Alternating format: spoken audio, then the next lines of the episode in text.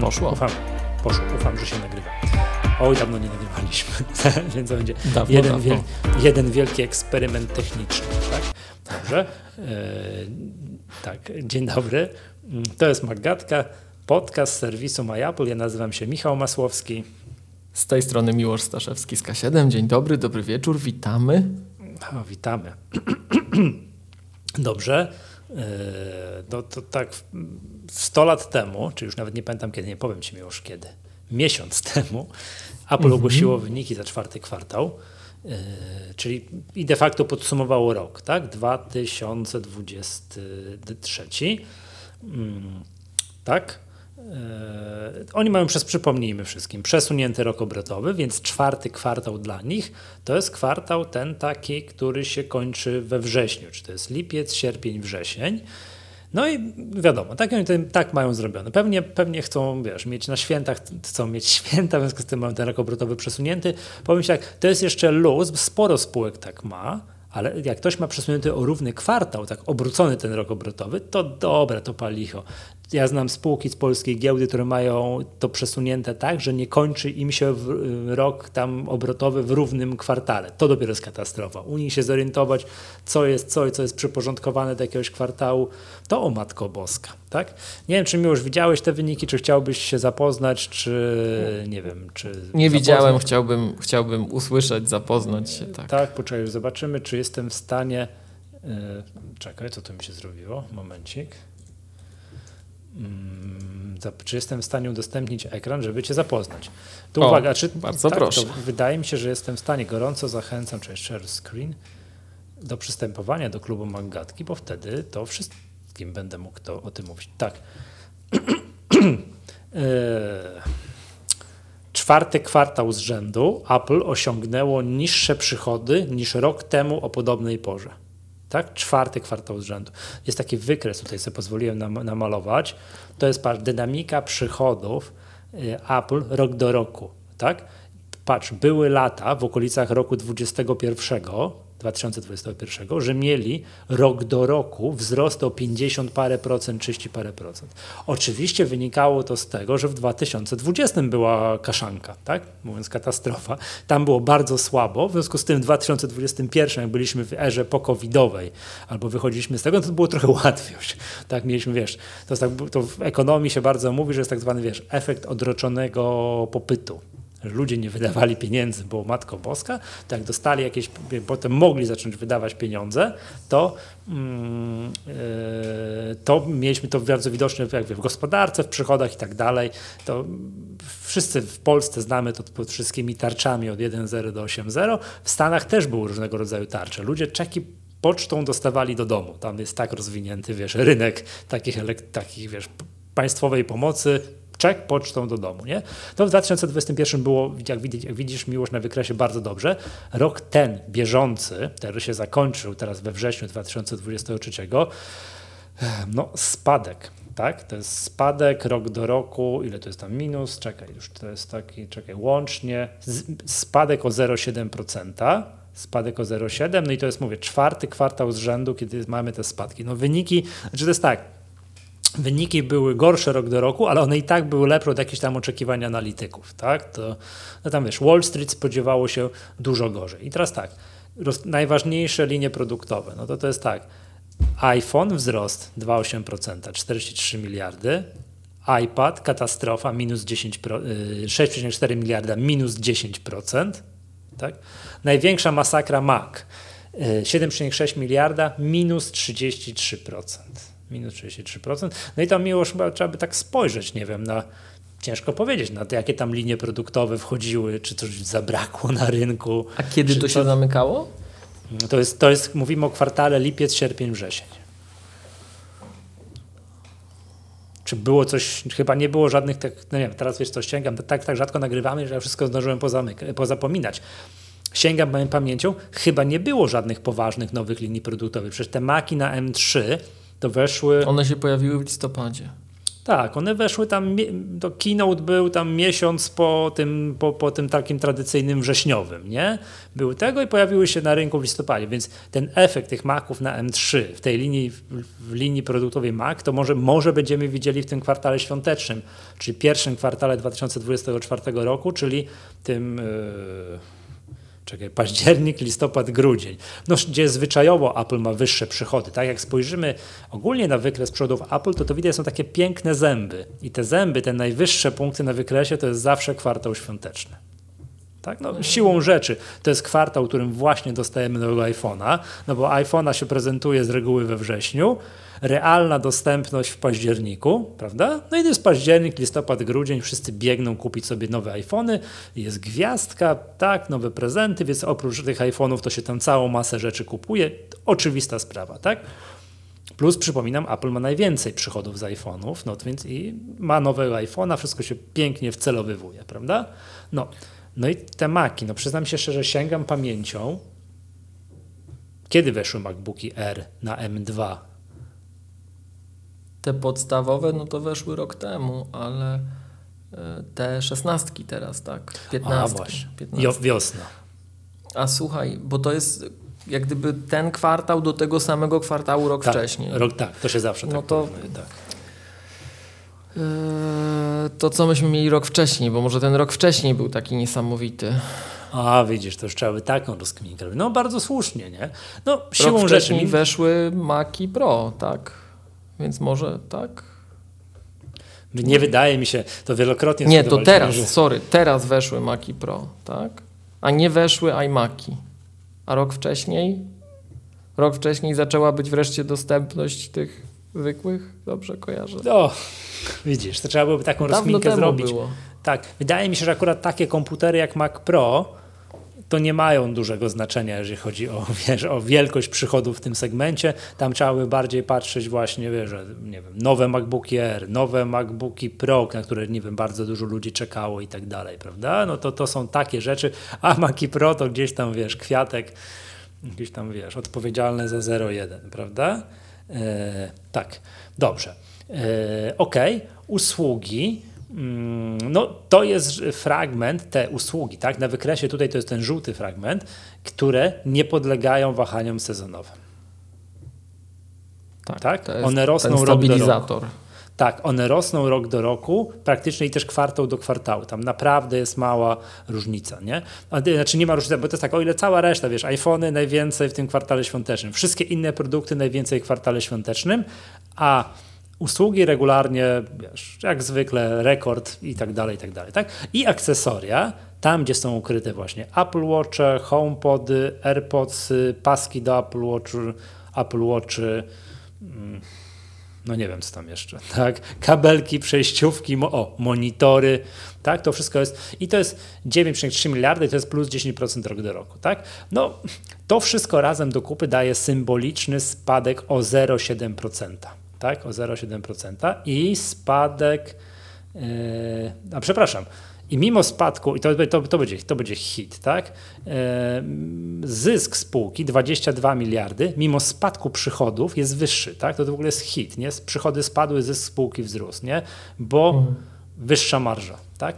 To między innymi to jest ta, ta, taka dyskusja, bo to, to się wiąże z tym, że usługi tak wzrosły, nie? No to jest najbardziej rentowny fragment najbardziej rentowny fragment e, mm, całego, wiesz, line-upu, całego, całego portfolio Apple, tak? O ile tak ogólnie oni mają, wiesz, teraz marże brutto, tak? 45,2%, rok temu było to było 42%, to na produktach to jest 30 parę, a na usługach, no będę teraz strzelał z pamięci, 70, kosmiczne pieniądze robią na usługach, tak? Kosmiczne pieniądze robią na usługach, no i to, no i to, to łącznie do kupy dało im najwyższy zysk, tak? Oczywiście mm, Oczywiście, no cóż, Apple tak jak zasłania się tym, co zawsze, tak? Kursy walut, tak? To jest pierwsza, pierwsza rzecz. I łańcuchy dostaw. To się nie zmieniło od, 2000, od 2020 2020 roku. Na, y, aktualna liczba najwyższych, jakby nie wiem, install base Maców, tak, działających, gdzie jest jakieś Apple ID zalogowane i używane, jest najwyższy w historii. Ale nie wiadomo jak, ile. To nie powiedzieli. Tylko tyle, że jest najwyższy w historii i rzecz, która to, to, zawsze robi dla mnie szokujące wrażenie, że dla połowy osób, które kupowały Maca w tym okresie, to był pierwszy komputer Mac. No.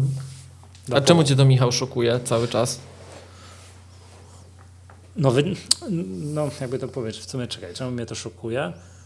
No to jest po pierwsze fajna rzecz, a nie, szokuje mnie dlatego, że gdyby tak, patrz, regularnie podajemy taką rzecz, że połowa, że coś, że to duży, ten kilkadziesiąt procent to jest zawsze nowy i tak dalej, że mm, ta liczba kupowanych komputerów już powinna być wyższa. Tak, już to, to, to mi się, to ciągle zatrzymaliśmy się na jakichś tych 7-8 miliardach przychodu, to wydaje mi się, że skoro to jest aż tak, że połowa to są nowi, to oni wiesz, nawet jak oni kiedyś byli nowi, to nie wiem, minęło 5, 6, 7 lat, to mniej więcej po takim okresie kupuje się nowy komputer, tak? tak to oni tak. to powinni generować już też, wiesz, wchodzić w ten cykl, wiesz, nowych komputerów, nie?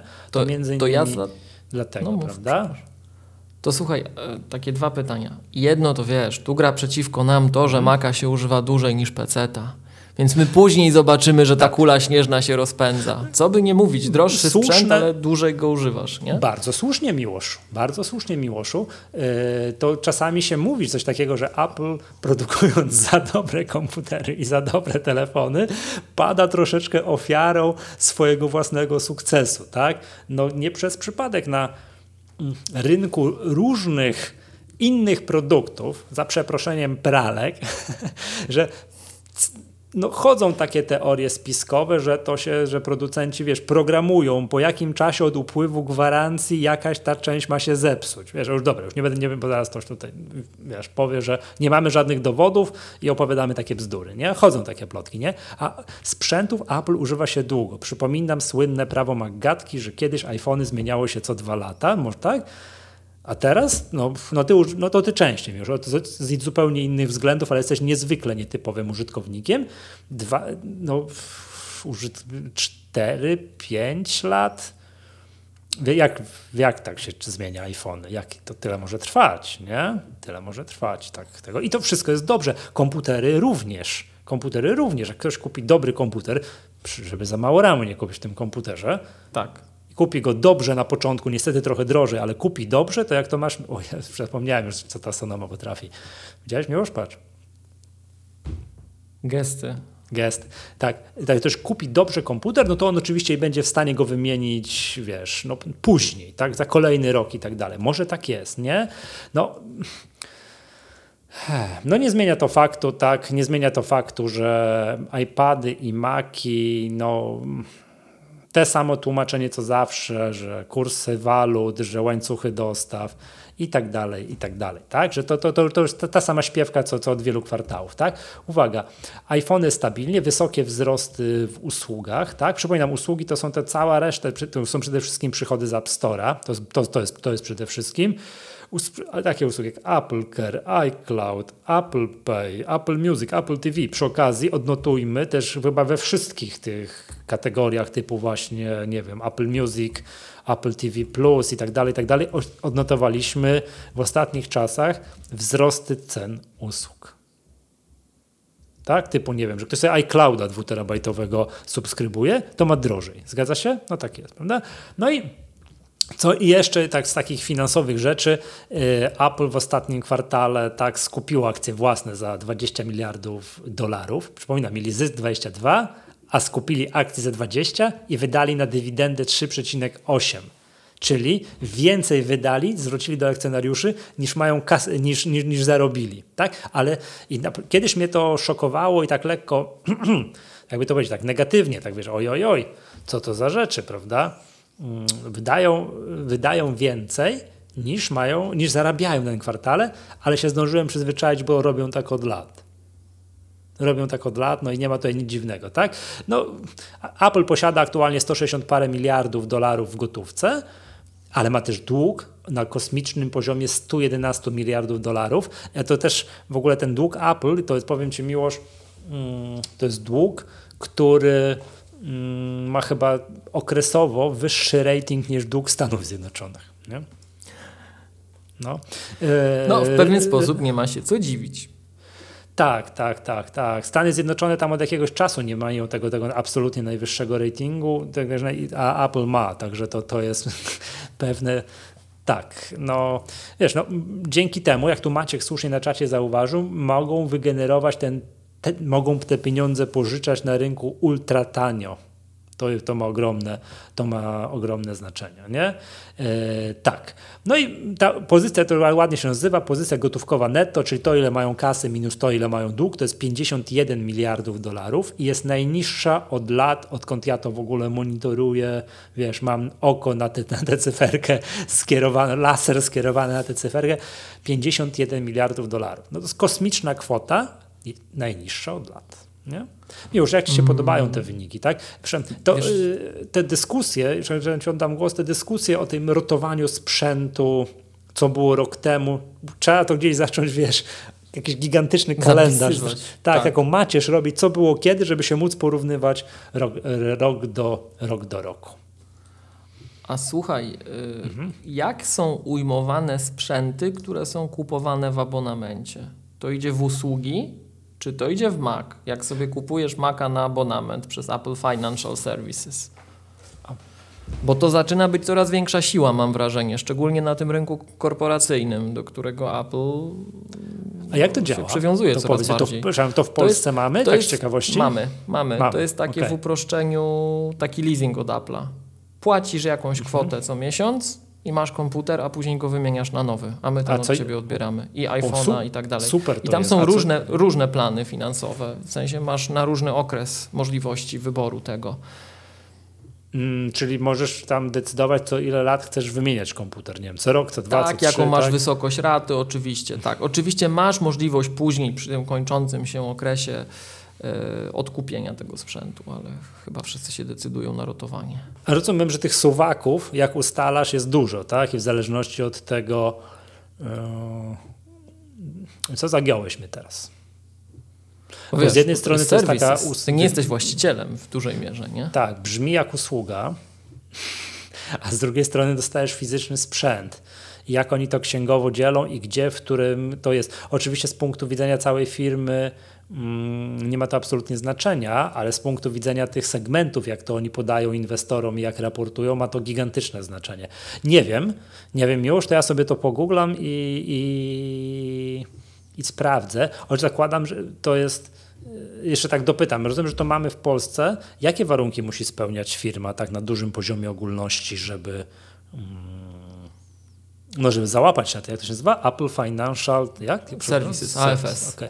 Apple Wiesz co, powiem szczerze, to, że to nie zakładam, wiem. jak mam e, warzywniak i dwa komputery, to zakładam, wiesz, dwa maki, zakładam, tam, że się jest, nie łapie. Tam jest jakiś, tam jest jakiś próg, mhm. że musisz za ileś tego sprzętu kupić. Tu na czacie piszą, że 40 tysięcy złotych. Ja tego nie wiem.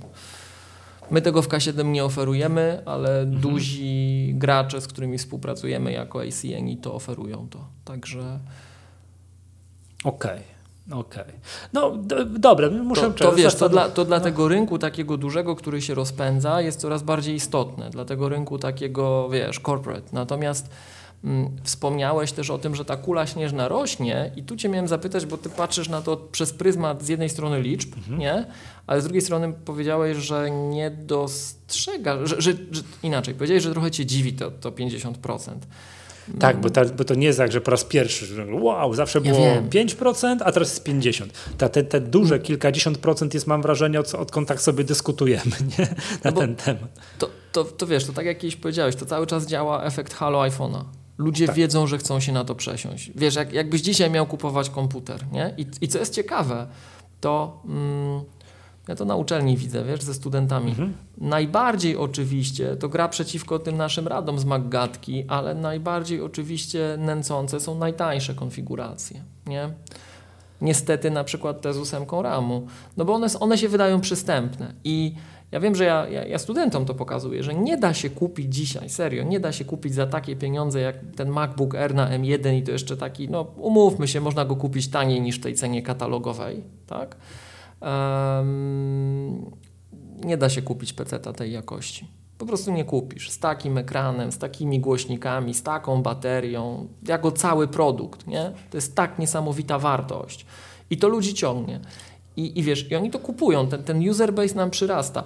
To widać zresztą w Polsce. Ostatnio się e, gdzieś tam za, zakopałem w systemie i powiem Ci, mi to nawet przemknęło tak niezauważenie. W sensie ja zauważyłem, że to działa, ale nie połączyłem w, growy, w głowie kropek, co pokazuje, że każdy z nas bywa czasem zmęczony. My teraz mamy w tym, e, jak to się nazywa, zaufany store, nie wiem jak to się tłumaczy, przepraszam, trusted store systemu, tam gdzie mamy certyfikaty, to Jezu, mamy od wiem, dwóch co- czy no. trzech wersji systemu e, certyfikaty Certum i Shafira, czyli polskie podpisy kwalifikowane są uznawane przez środowisko Apple jako zaufane.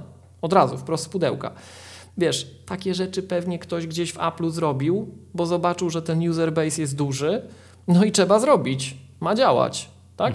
I tak sobie z ciekawości, bo wiesz, że jestem taki już złośliwy, jak przypadkiem trafię na coś takiego, to sobie popatrzyłem, że te nasze polskie są dwa, a z jakich państw jeszcze są inne, nie? Bo to wiele mówi. No i tak powiem Ci, nie ma tam za dużo takich państw. Znowuż, tak wiesz, że to swoje mają i w ogóle, nie? Mm, To teraz To też pokazuje, że dowartościowałeś nas, że Apple nas Tak, zauważa tak. i że u nas jak coś trzeba zrobić, to czy zaraz, żebym ja dobrze zrozumiał, w systemie macOS zaszyty jest to, co mówisz, y, Po, odczytywanie po, tych certyfikatów. certyfikat, certum i certyfikat Shafir. Czyli Dobra, jak masz polskie nazwy, no. podpisy cyfrowe, to one są już w systemie walidowane poprawnie. Jeszcze kilka wersji systemu było tak, temu, kilka wersji systemu temu było tak, że jak sobie podpisałeś na przykład tym polskim podpisem kwalifikowanym PDF-a i otworzyłeś go w preview, to ci mówił, ja, ja nie wiem co to jest, to jest jakiś podpis Mhm. cyfrowy, niezaufany. Musiałeś pobrać Akrobata, Akrobat miał to w swoim storze i on Tak. ci pokazywał, że to jest poprawny podpis, zaufany, Tak. lala. Teraz nie, teraz nagle wszystkie nasze urządzenia to potrafią poprawnie interpretować, bo Apple dołączyło do środowiska nasze kwalifikowane podpisy cyfrowe, te stosowane w Polsce, po prostu, tak? No i teraz wiesz, ja przypuszczam, że to się dzieje z jakiegoś powodu, że tam ten nasz user base to po prostu rośnie i ktoś to zauważył i ma być wygodniej i fajnie, nie? Em, natomiast O też tej to widzę kuli śnieżnej zacząłeś mówić. tak, tak. Właśnie z drugiej strony widzę to na uczelni, tak wiesz, tak po prostu fizycznie, nie? E, Dzisiaj mi studentka, serdecznie pozdrawiam, powiedziała, że no tutaj koledzy twierdzą, że pan to dobrze te sprzęty tutaj na tych swoich zajęciach sprzedaje, czyli że chyba propagandę robię, nie? Ale że, że fajne, wiesz, że tu możecie to, tu możecie tamto, ale zanim nawet zacznę im pokazywać, że to jest fajne przy okazji zajęć, to wiesz, jak mi dzisiaj studenci rozpoczynają semestr, przychodzą, to dzisiaj te maki takie są, że, że to nie jest już coś takiego, że nie wiem, co piąty student ma maka, co dziesiąty ma. Nie, to tak masz 30-50%. A jakie? Z ciekawości, Ery czy Pro? Najczęściej to są, widzisz, to, to widać, to są te pro takie entry. I na przykład póki jeszcze była ta trzynastka, to sporo tych trzynastek. No i oczywiście ery też, tak? Ale jest moim zdaniem nadreprezentacja w stosunku do reszty społeczeństwa tych entry modeli pro. Także nie wiem, czy działa plakietka Pro, czy, czy co, ale, ale tak jest, rzeczywiście jest. Czyli wiesz, bardzo często w tych warunkach widzę komputery z touchbarem, bo to póki co jeszcze dopiero ta czternastka się zaczyna, nie? Tak, znaczy no już będzie ubywać komputerów z touchbarem. W- Tak. No bo już W nie sposób ofercie, naturalny, Tak, w tak. sposób, tak, wyginą, tak. Ale wiesz, można, będzie można się lansować. Patrz, mam komputer z touchbarem, jakby wiesz. To jest Popa. tak jak, tak, jak jeszcze, wiesz, ja jeszcze rok temu miałem, no nie, półtora roku temu miałem telefon z, wiesz, z 3D touchem, nie?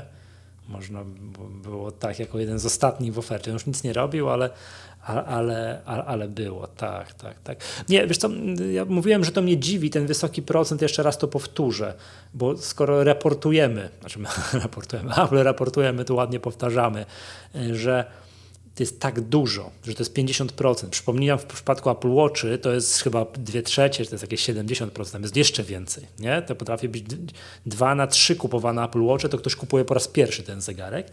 E, że to, skoro to tak jest, to czemu tych maków nie sprzedaje się więcej? To ja wiem, że to jest miło, że ty widzisz, to jest taki trochę dowód anegdotyczny, bo dużo widzę wśród studentów, nie? Ja też dużo widzę, wiesz, czy tam w PKP, czy na ulicy, czy w Starbucksie, no nie, nie chodzę po Starbucks, ale wiesz... to, to ktoś- widać, widać nasycenie tym sprzętem. tak, bardziej, oczywiście, to oczywiście, że tak. To, to, to też widać, ale w cyferkach, bo pamiętam tak, Maki całe lata całe lata były takie, wiesz, przychód z tych maków, teraz z pamięci będę, z głowy, czyli z, z głowy, czyli z niczego, tak? Kto to powiedział? Mhm, Poseł, mhm. poseł, Klasyk, klasyk. Kto to powiedział?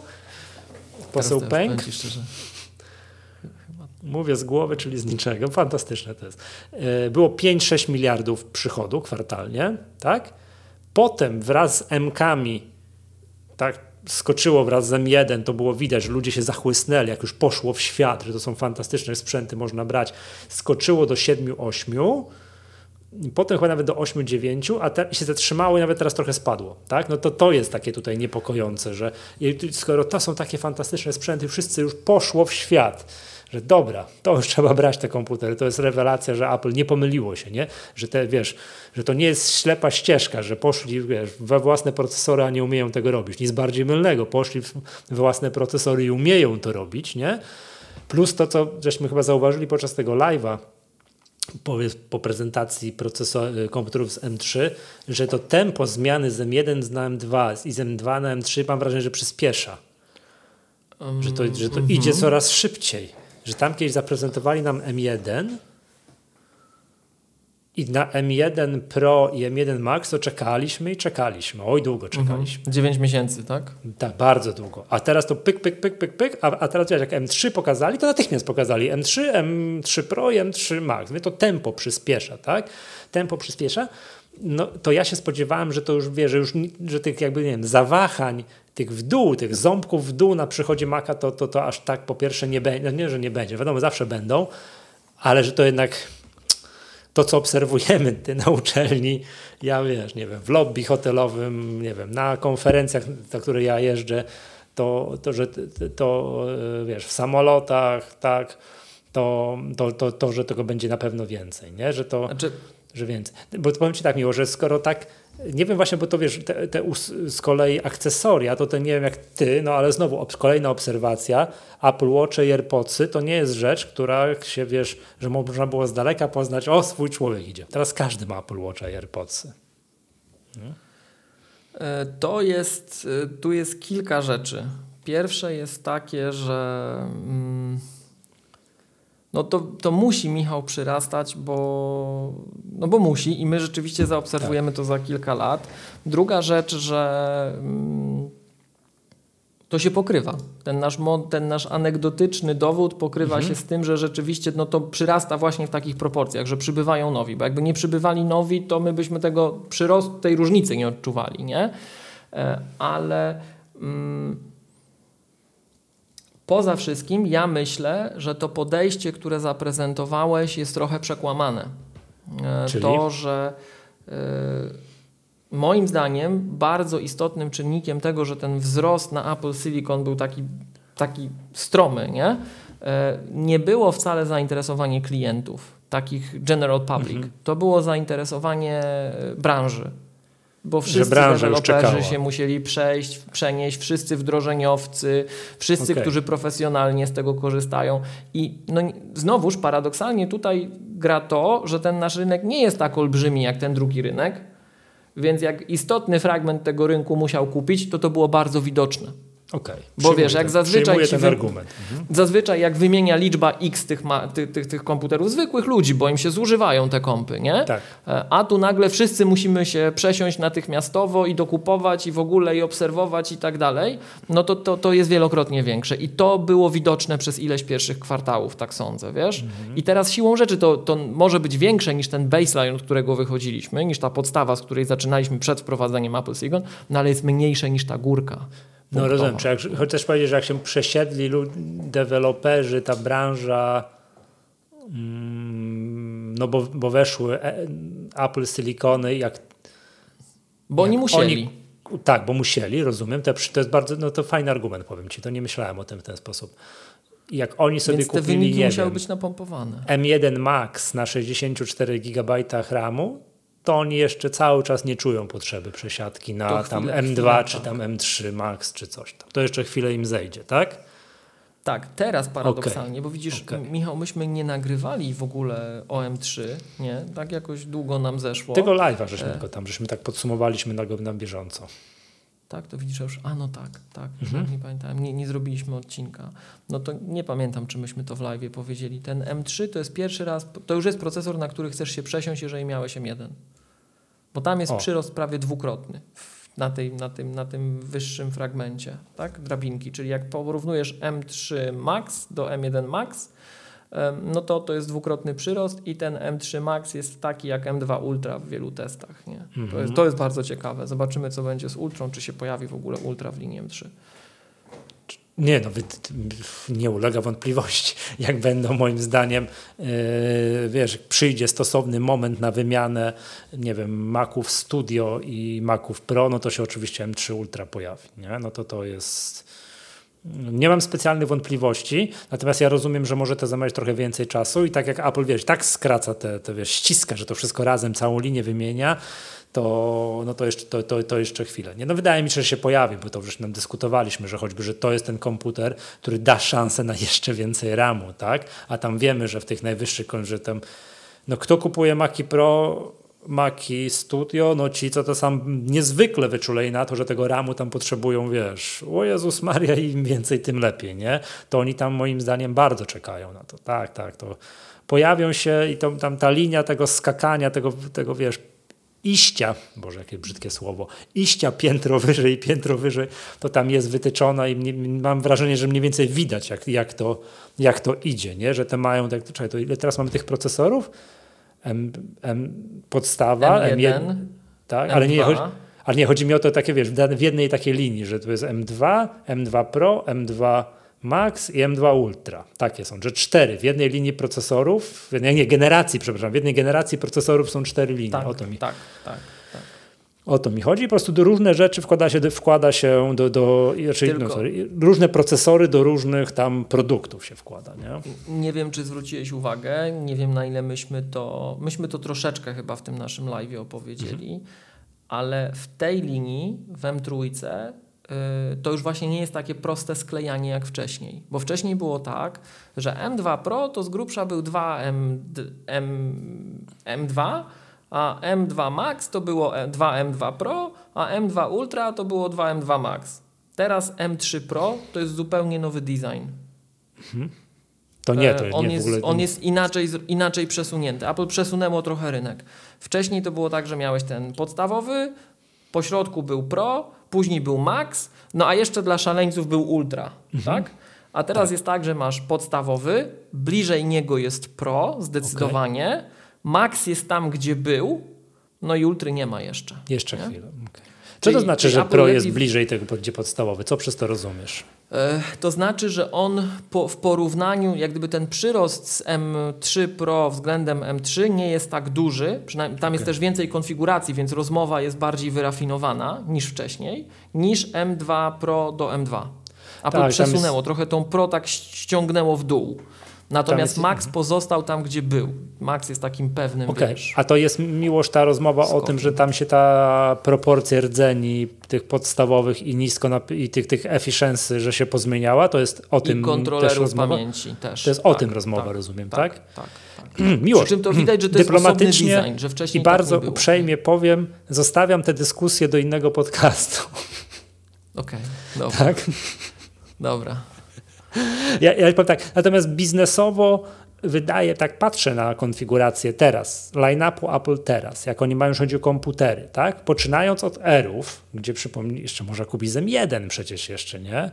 I to mi, M1 teraz Ery są na M2, MacBooki Pro są na M3, M3 Pro, M3 Max, a Studio są jeszcze na innych y, Na konfiguracjach. M2 i M2 Ultra. Na, na, tak, na, na, na Maxach i Ultra, ale na M2, to to jest takie, po pierwsze, to jest tak, kiedyś Maciek Nowakowski kiedyś uświadomił mi, jak to jest możliwe, dyskutowaliśmy w którejś Maggace, było coś takiego, że trzeba by niezłego doktoratu, żeby rozpoznać, który, którego iPhone'a w danym momencie trzeba kupić. Że my jak się interesujemy, to wiemy. Był taki moment, że wiesz, że minus dwa iPhony zostawione w ofercie.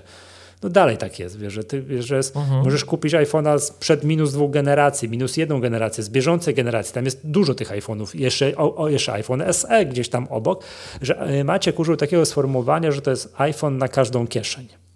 Nie może być tak, że się zaczyna i masz od razu telefon za 7 tysięcy. No matko boska, no nie może tak być, nie? nie, nie że, że to musi być i dobrze wiemy, że jak kupujesz jakiegoś tańszego iPhone'a, ale tam mu dokładasz troszeczkę SSD, to idziesz po tej drabince tak bardzo ładnie, że się akurat łapiesz na następnego i tak i, I chcesz, dochodzi. tak. tak, tak. Ale chodzi o to, że jak masz od najdroższego zadychę do najtańszego, nie wiem ile teraz najtańszy iPhone, no zastrzel Około mnie. 2000, dwa coś. Tam dwa, no tak, to masz w, w całej rozciągłości, gdzie nie po- położysz palec, to coś jest, coś znajdziesz tam obok. Tak? Jak nie plusa, to już pro, to już pro, pro maxa, a więcej i tak dalej. Mówię, jest oddychy tam do te 2,5, gdzie nie położysz palec, to znajdziesz jakiegoś, jakiegoś iPhone'a, prawda? Ile masz budżetu, co chcesz i tak dalej. To z Macami, oczywiście to jest wszystko piętro wyżej cenowo, jest tak samo. Jest tak samo. To, a to ma bardzo duże, bo ile w tym rynku tam najwyżej to ma mniejsze znaczenie, to to ma ogromne znaczenie na samym dole drabinki, gdzie kupują klienci, no nie tak świadomi, może tak to ładnie ujmę, nie, to nie są słuchacze Maggatki, którzy wiedzą, że dobrze by było komputer wziąć z większą ilością RAMu i że o Boże, o Boże, nie kupujmy komputerów z ósemką RAMu, bo to komuś jeszcze przyjdzie podłączyć zewnętrzny monitor i znamy tę całą dyskusję, prawda? Znamy, a ta, ale chodzi, to, no my, my to wiemy, ale tam na oni, Apple moim zdaniem robi co może, żeby te komputery na tym dole drabinki, to ma ogromne, oni, ma ogromne znaczenie dla przychodów. Bo co tu dużo mówić, no Apple mimo tego, że te komputery też, no wiemy, że nie powinno się kupować i tak dalej, tak dalej, to nawet te najtańsze to już są umiarkowanie drogie komputery. Oni nie mogą ci teraz powiedzieć, dobra, no my to wyklikaliśmy MacBooka R, wielokrotnie wyklikiwaliśmy, że tam jakakolwiek sensowna konfiguracja, tam nie pamiętam teraz, 12 tysięcy? No tak, mniej więcej, nie? Zamknę jedno oko. To już taka, no taka bardzo fajna, Tak, około fajna. 10-11. No. Tak. No to teraz wyobraź sobie, że te komputery zaczynałyby się od tych 10-11 tysięcy. Nie, oczywiście, oczywiście. No I to, czego, to, to czego jest, my no. czasem nie, nie widzimy też, w sensie widzimy, ale my, my się tym nie przejmujemy. Natomiast jak rozmawiamy o finansach, to to trzeba podkreślić. Mhm. Tak. To już to ty patrzysz, Michał, na to wolumenowo, że Tak, ta tak, kasa tak, jest, tak, tak, ale tak. na to trzeba spojrzeć na sycenie rynku. To są klienci i tak zupełnie uczciwie. Przecież jak oni tego nie kupią, bo byśmy im dali entry na 10 tysięcy, tak? To to jest dopiero problem. Jak kupią tego Maca nawet słabszego, on im nie posłuży tyle, co by mógł, Tak. ale to i tak będzie Mac. Oni już nie Oczywiście. wrócą na nic innego. No otóż to, dokładnie Nie? tak. Oni się I być może przy pierwszej generacji dowiedzą, że trzeba kupić mocniejszy sprzęt. przy- Następny, tak. Następny, Ale- tak, ale, no. Ale to jest, czekaj, to o premierze Tusku się mówiło, że to jest taka polityka, czekaj, zalewania miłością, że on tak kiedyś miał. Polityka ciepłej wody mi- w kranie. Polityka To ciepłej też, wody. ale była, że ofensywa miłości, ofensywa miłości, że wiesz, Jezu, że, nie taki, że Nie, nie wrogością, tylko że tam, że ty pokazujesz, że tu dobrze, że kochani wszyscy, że la la la. I to jest trochę tak samo. Na takiej zasadzie, że Mhm. yy, no my ci pokażemy, co jest fajne. My ci pokażemy, co jest fajne. No tak, no tu zaczynasz, ale zobacz, jakie to jest fajne, nie? Em, to tak jak mówiłem, ja czasem ze studentami teraz o tym rozmawiam, no bo jak mają te kursy Swiftowe na przykład i, i wiesz, no, no, no trzeba mieć ten sprzęt, żeby realnie się tego uczyć, nie? Mają dostęp na uczelni, te pracownie są dostępne, ale, ale no jak masz w domu, to jest fajniej, nie? Jasne. No i ja się bardzo często spotykam z, takim, z taką rozmową ze studentem, który wiesz, tak zwyczajowo to jak nie ma tego sprzętu, a jest przyzwyczajony do poziomu cen PC-towych, tak? Że jak też nie kupuje takich tych no, no fajnych sprzętów, to jednak ten próg średniej, cen, średniej ceny jest trochę niżej niż u nas, nie? To jest nieporównywalne parametrami, ale jest niżej. No i teraz wiesz, y, oni zaczynają dyskusję od takich kwot często, które są zarezerwowane no niestety w naszym line-upie dla albo Maca Mini, którego nikt nie chce, bo nikt nie chce stacjonarnego komputera, nikt kompletnie nie chce stacjonarnego komputera, nikt, tak? Taki zwykły śmiertelnik nie chce, a już na pewno student nie chce. E, No to co myślą? To iPad. I niestety, niestety można powiedzieć, że część tego można zrobić w Playground. Nie, nie róbcie tego. Nie, nie ale część się. się da. Bardzo No, miło Swift jest się pouczyć w Challenge, Playground. Tak, Mhm. ale Tak. No, no, no, no nie, no, no chcecie Maca, chcecie Xcode, nie? Mhm. I co by nie mówić, jak sobie kupisz nawet tego, nawet tego MacBooka z 8 GB RAM, nie? No Mhm. to, to on jest lepszy niż iPad, niż dowolny iPad. A z kolei jak chciałbym być złośliwą świnką, taką wiesz, taką, że tego to nie mówię, bo się będą ze mnie śmiali, wypomną mi kółeczka mi zawsze wypominają za 1200 zł i nóżkę za 5000 oczywiście. Ja jej zawsze mężnie bronię i jednego i drugiego i wydaje mi się, Nie, że mam rozumiem, że argumenty. jesteś gotów pozwać na pojedynek na gołe pięści na tej ziemi. Ale, za, oj, za oj, nóżkę. oj, oj, ale, nóżkę do ale, monitora. Ale, czekaj, ale wiesz, my musimy wiedzieć, czego, jakiego trupa z szafy nie wyciągać. I Michał, jak masz, jak masz ten cennik, to zróbmy sobie taki eksperyment. No. Zobacz, ile kosztuje klawiatura Magic Keyboard do dużego iPada. Dwa koła. Nie, potaniała teraz ostatnio. Potaniała. Do, ale wiem, to jest skandalicznie. Klawiatura, oczywiście się zgadzam, klawiatury do Magic Keyboard, do dużego iPada kup, kosztuje absurdalne pieniądze i ona kosztuje... Już od 1700 masz. Tak, tak, już, ale oczywiście, że tak. Ty, zmieniłaś ta strona, jakoś w ogóle zupełnie inaczej to wygląda. No bo teraz mamy więcej tych akcesoriów. Miłosz, promocja. Już nie ma dwójki z przodu. Jak za darmo, nie ma dwójki No przed ale wiesz, ale wiesz, przychodzi do ciebie student, nie? I mówi ci, że on chce taką kwotę, on myśli, żeby taką kwotę wydać, nie? Na w ogóle, na wszystko. Wiem, No, na wszystko. no i, A to jest no i wiesz, i on siłą rzeczy i on siłą rzeczy idzie w kierunku iPada. Oczywiście tego tańszego iPada, nie? No i ty tak myślisz, bo no niech nie patrzy na te klawiatury. W sensie to i tak nie jest do tego produktu klawiatura. Tamta jest tańsza, ale nie ma gładzika, nie ma podświetlenia. No nie. I wychodzi ci, że ten Mac, naprawdę, ten MacBook z Tak. M1, to, to, to, to, to, to, to jest ta wartość, nie? To jest ta wartość. Tak. Już, to, żeby była jasność, my oczywiście tu w Magatce szerzymy to, niesiemy ten kaganek oświaty, że trzeba kupować, wiadomo, tylko jakie sprzęty i tak dalej, i tak dalej, ale tak patrząc, wiesz, znowu na cały ten line-up, żeśmy przed sekundką było, od ilu można ten M1 kupić, od niecałych 6 tysięcy do komputerów za grube kilkadziesiąt tysięcy, to znowu, to jest wszystko tak moim zdaniem poukładane, że gdzie nie przyłożysz palec, w szczególności u dołu drabinki, to gdzieś jakiś komputer dla siebie znajdziesz. Nie? To, to z grubsza o to tak. chodzi. Nie? To jest moim zdaniem odpowiedź na pytanie, czemu już od razu hopsa hopsa na dzień dobry nie dostaliśmy MacBooków RZM3. Bo te z M2 są trochę tańsze, to jest pierwsze, bo proces technologiczny, jak już, bo te MacBooki R z M2 to jest produkt z wiosny tego roku, to o ile dobrze E, pamiętam. Mówisz o tych dużych, O tak? dużych, tak, o dużych. No więc tam jest moim zdaniem, one się muszą w odpowiedniej ilości sprzedać, żeby się zwróciły i żeby można było piętro wyżej je przestawić. Wiesz No, co? Wiem, przepraszam, Y- chyba, że teraz nie wiem, strzelę już niesamowicie dziwną rzecz, że no, mogą, może też być tak, że tak jak iMaki, jak widać, no przynajmniej na chwilę, wiem, że no, szereg czasowy jest krótki, bo dwie obserwacje, że, będą do, że będą odświeżać, co dwie generacje procesorów będą odświeżać, że kolejne iMaki zobaczymy na przykład dopiero na procesorach M5. No, Ja bym, powiem Ci szczerze, właśnie myślał, że niektóre linie produktowe mogą być tak traktowane. Bo wiesz, w dużej mierze Apple się ściga samo ze sobą już teraz naprawdę. tak. No To, to Tak. Coraz ciężej się te platformy zaczyna porównywać. To zaczynają być takie księstewka. Że wiesz, w naszym księstewku to się w naszym kraju to się stawia model społeczny na tym, że są wysokie podatki, żyje się wygodnie, a w naszym, że nie ma podatków, ale też nic nie ma.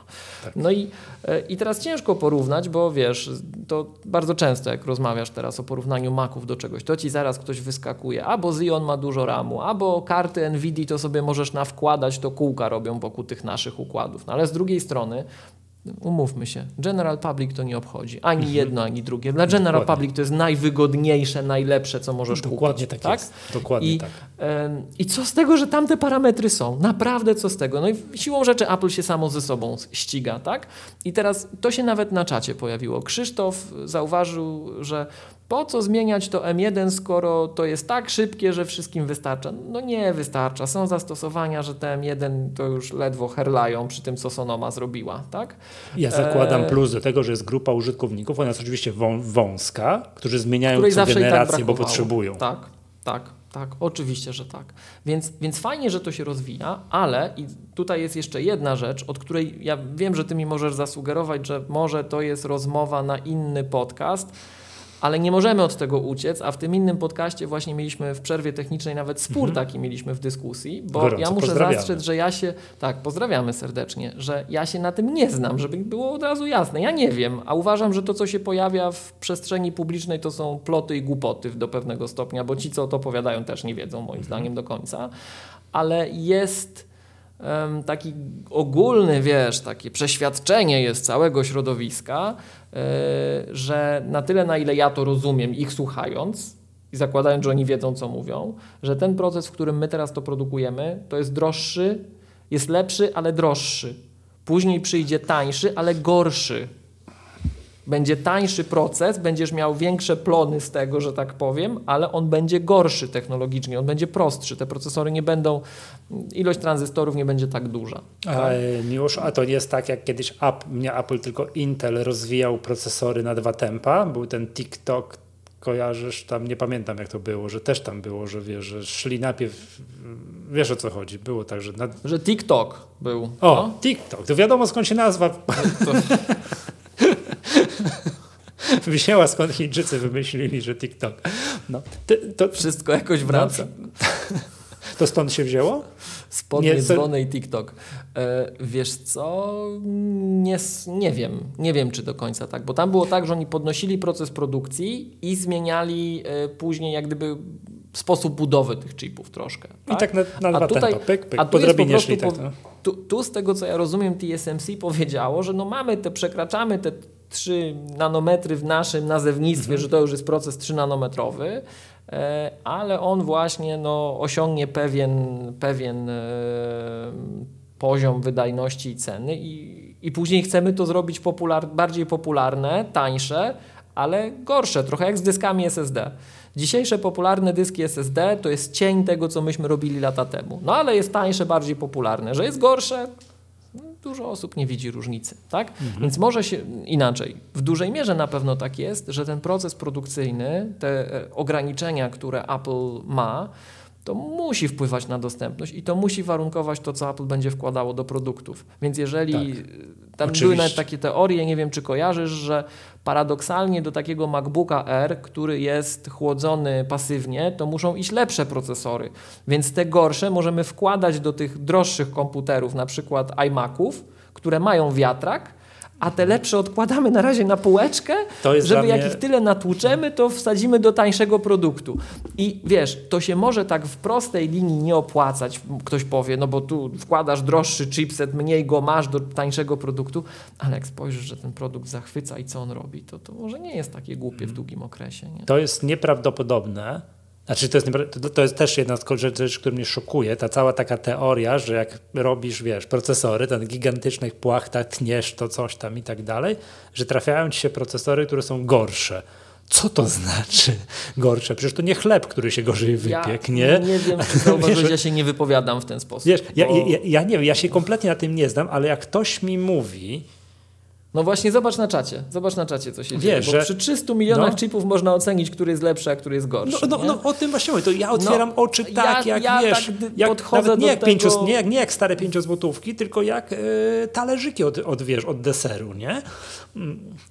To jest szok. się nie wypowiadam na ja, ten temat. Jak? Jak? Że ja, ja- no ja, też, znaczy ja się też nie wypowiadam, ja tylko wyrażam, głęboko wyrażam swoje zdziwienie, może tak, nie? Że można w procesie produkcyjnym, że masz tam właśnie jakieś, wiesz, miliony, czy nawet już teraz nie wiem, ile tam jest tranzystorów w jakimś kostce, o procesorze, który jest tej wielkości od, i który gdzieś tam, wiesz, na płytę, którą wkładasz w płytę główną, która jest tej wielkości, tak, teraz, teraz słuchacze Michał podcastu mówię, długopis. pokazałem długopis, ona jest jakby no, tej długości jest płyta główna, na przykład w iMacu, czy tam w jakimś nie wiem, MacBooku R czy coś takiego, całe resztę to chłodzenie i ta cała wie, ceregiela, ale sama płyta główna to jest mniej więcej tego, że oceniasz, że jakiś procesor jest lepszy albo gorszy, ale mówię przecież to jest, wiesz, elektronika, to wszystko robisz, tam się muszą bity zgadzać później na samym końcu. Mówię, to nie chleb, że mi się źle wypiekła jakaś partia. O, chyba mąka była niedobra, albo, coś tam, nie? Że, Zejdźmy z tematu mąki, Michał. Zejdźmy. tak, dobrze. E, Dobrze. Miłosz, ja ty, tyle jakby tu chciałem wskazać, odwołując się do też pewnego podcastu, jeszcze raz gorąco pozdrawiamy, że to, że nie ma na przykład Maców R na M3, to okej, ja, ja przyjmuję, do, nie, nie kłócę się to jest technologią i tak dalej, ale ja to patrzę z Excelowego punktu widzenia, z biznesowego punktu widzenia, że musi być Mac na każdą kieszeń, począwszy od oczywiście tego poziomu zero, to jest pierwsza rzecz. Raz wprowadzony produkt, opracowany, przetestowany, uklepany, wdrożony i sprzedany, musi się w odpowiedniej ilości sprzedać, zanim wprowadzimy go kolejną generację.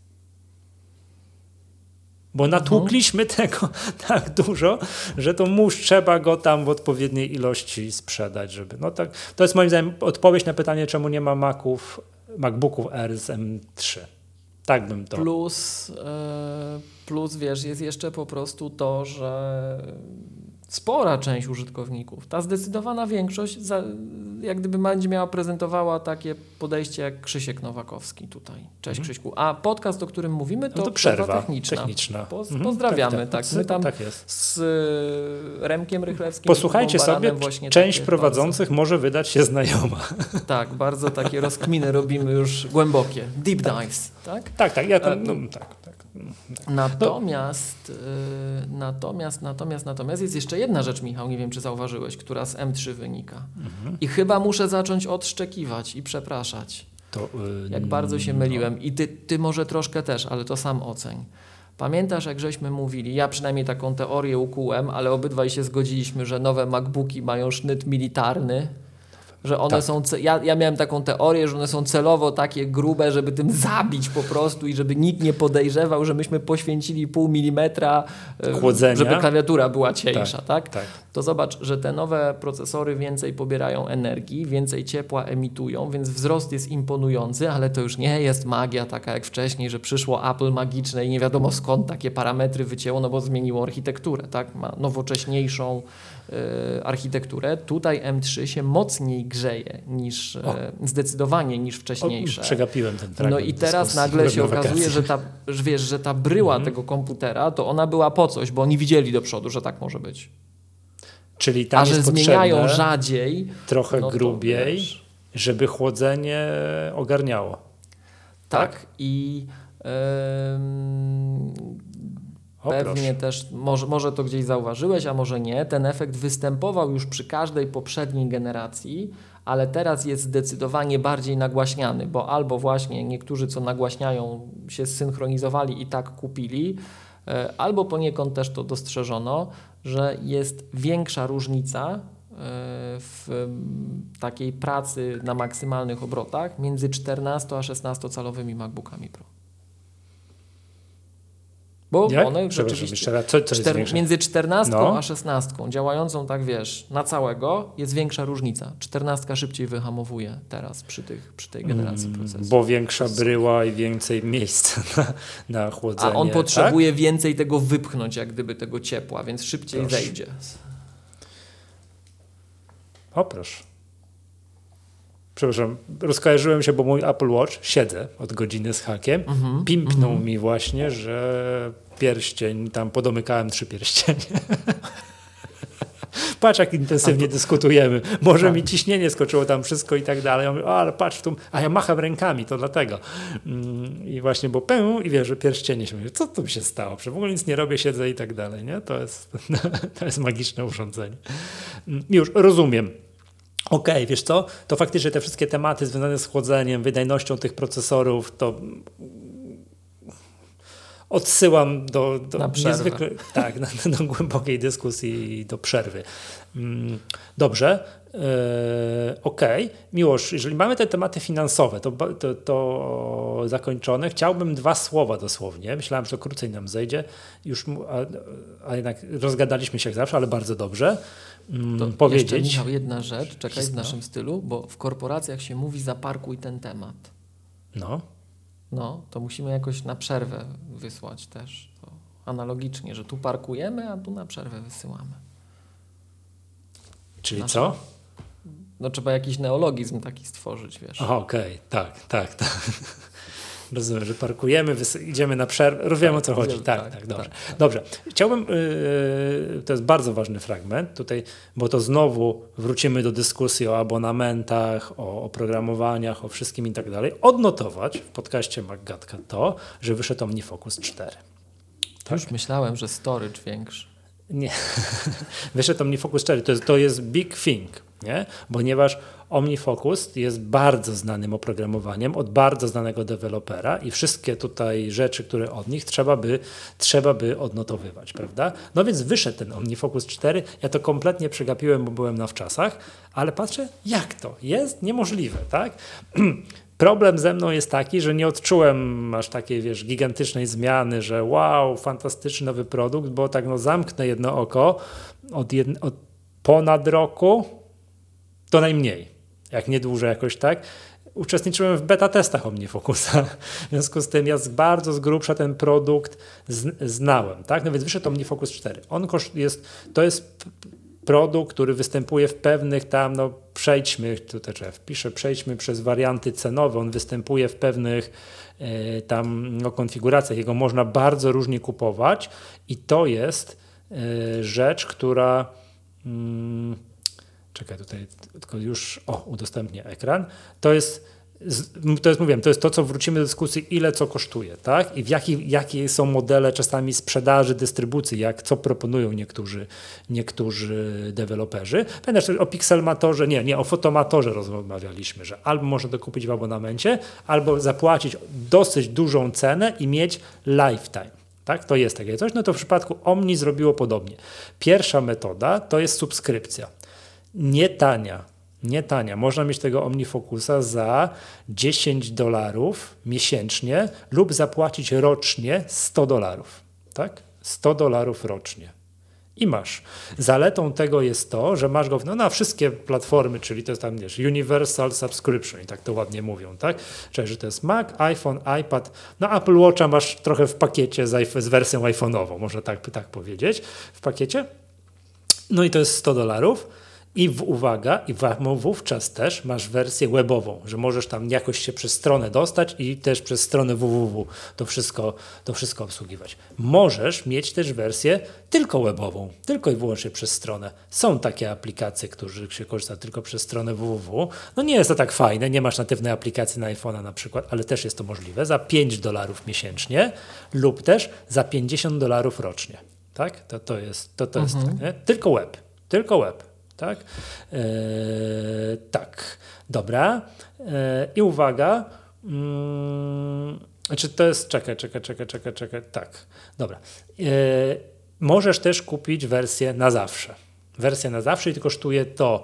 No i tam przypominam, to jest mm, OmniFocus albo standard, może standard, albo OmniFocus Pro. Tak? To wtedy masz wersję droższą. Standardowo kosztuje to 75 dolarów lub też 150 dolarów za wersję Pro. Oczywiście trzeba wziąć wersję Pro. Ja teraz powiem najważniejsza rzecz, którą się Pro różni od wersji podstawowej. Jak w wersji Pro możesz robić te swoje custom perspective. Tak? To jest w ogóle, wiesz, jedno z, nie wiem, czy aktualnie obowiązujące hasło reklamowe OmniFocusa Life in Perspectives, życie w perspektywach.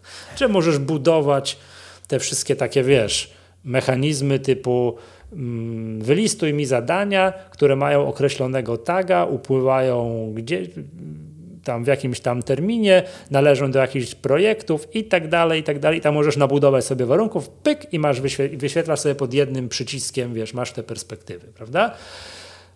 To jest fantastyczne, żeby było jasne. To jest, to, to, I to, to, trzeba wziąć pro. Jak już używasz OmniFocusa, a y, generalnie używanie OmniFocusa i nieużywanie tych custom perspective to jest tak bez sensu zdecydowałeś się na ten OmniFocusa. OmniFocus ma dużą barierę wejścia, jeżeli chodzi o używanie tego produktu. To jest produkt, jak ktoś, nie wiem, jest przyzwyczajony do systemowych przypomnień, tak? Reminders. To ja, to ja. Tak, no, które przypomina listę zakupów, że kup mleko, jajka, tak, szynkę, właśnie. chleb, coś tam no, tak dalej. Masz, tak?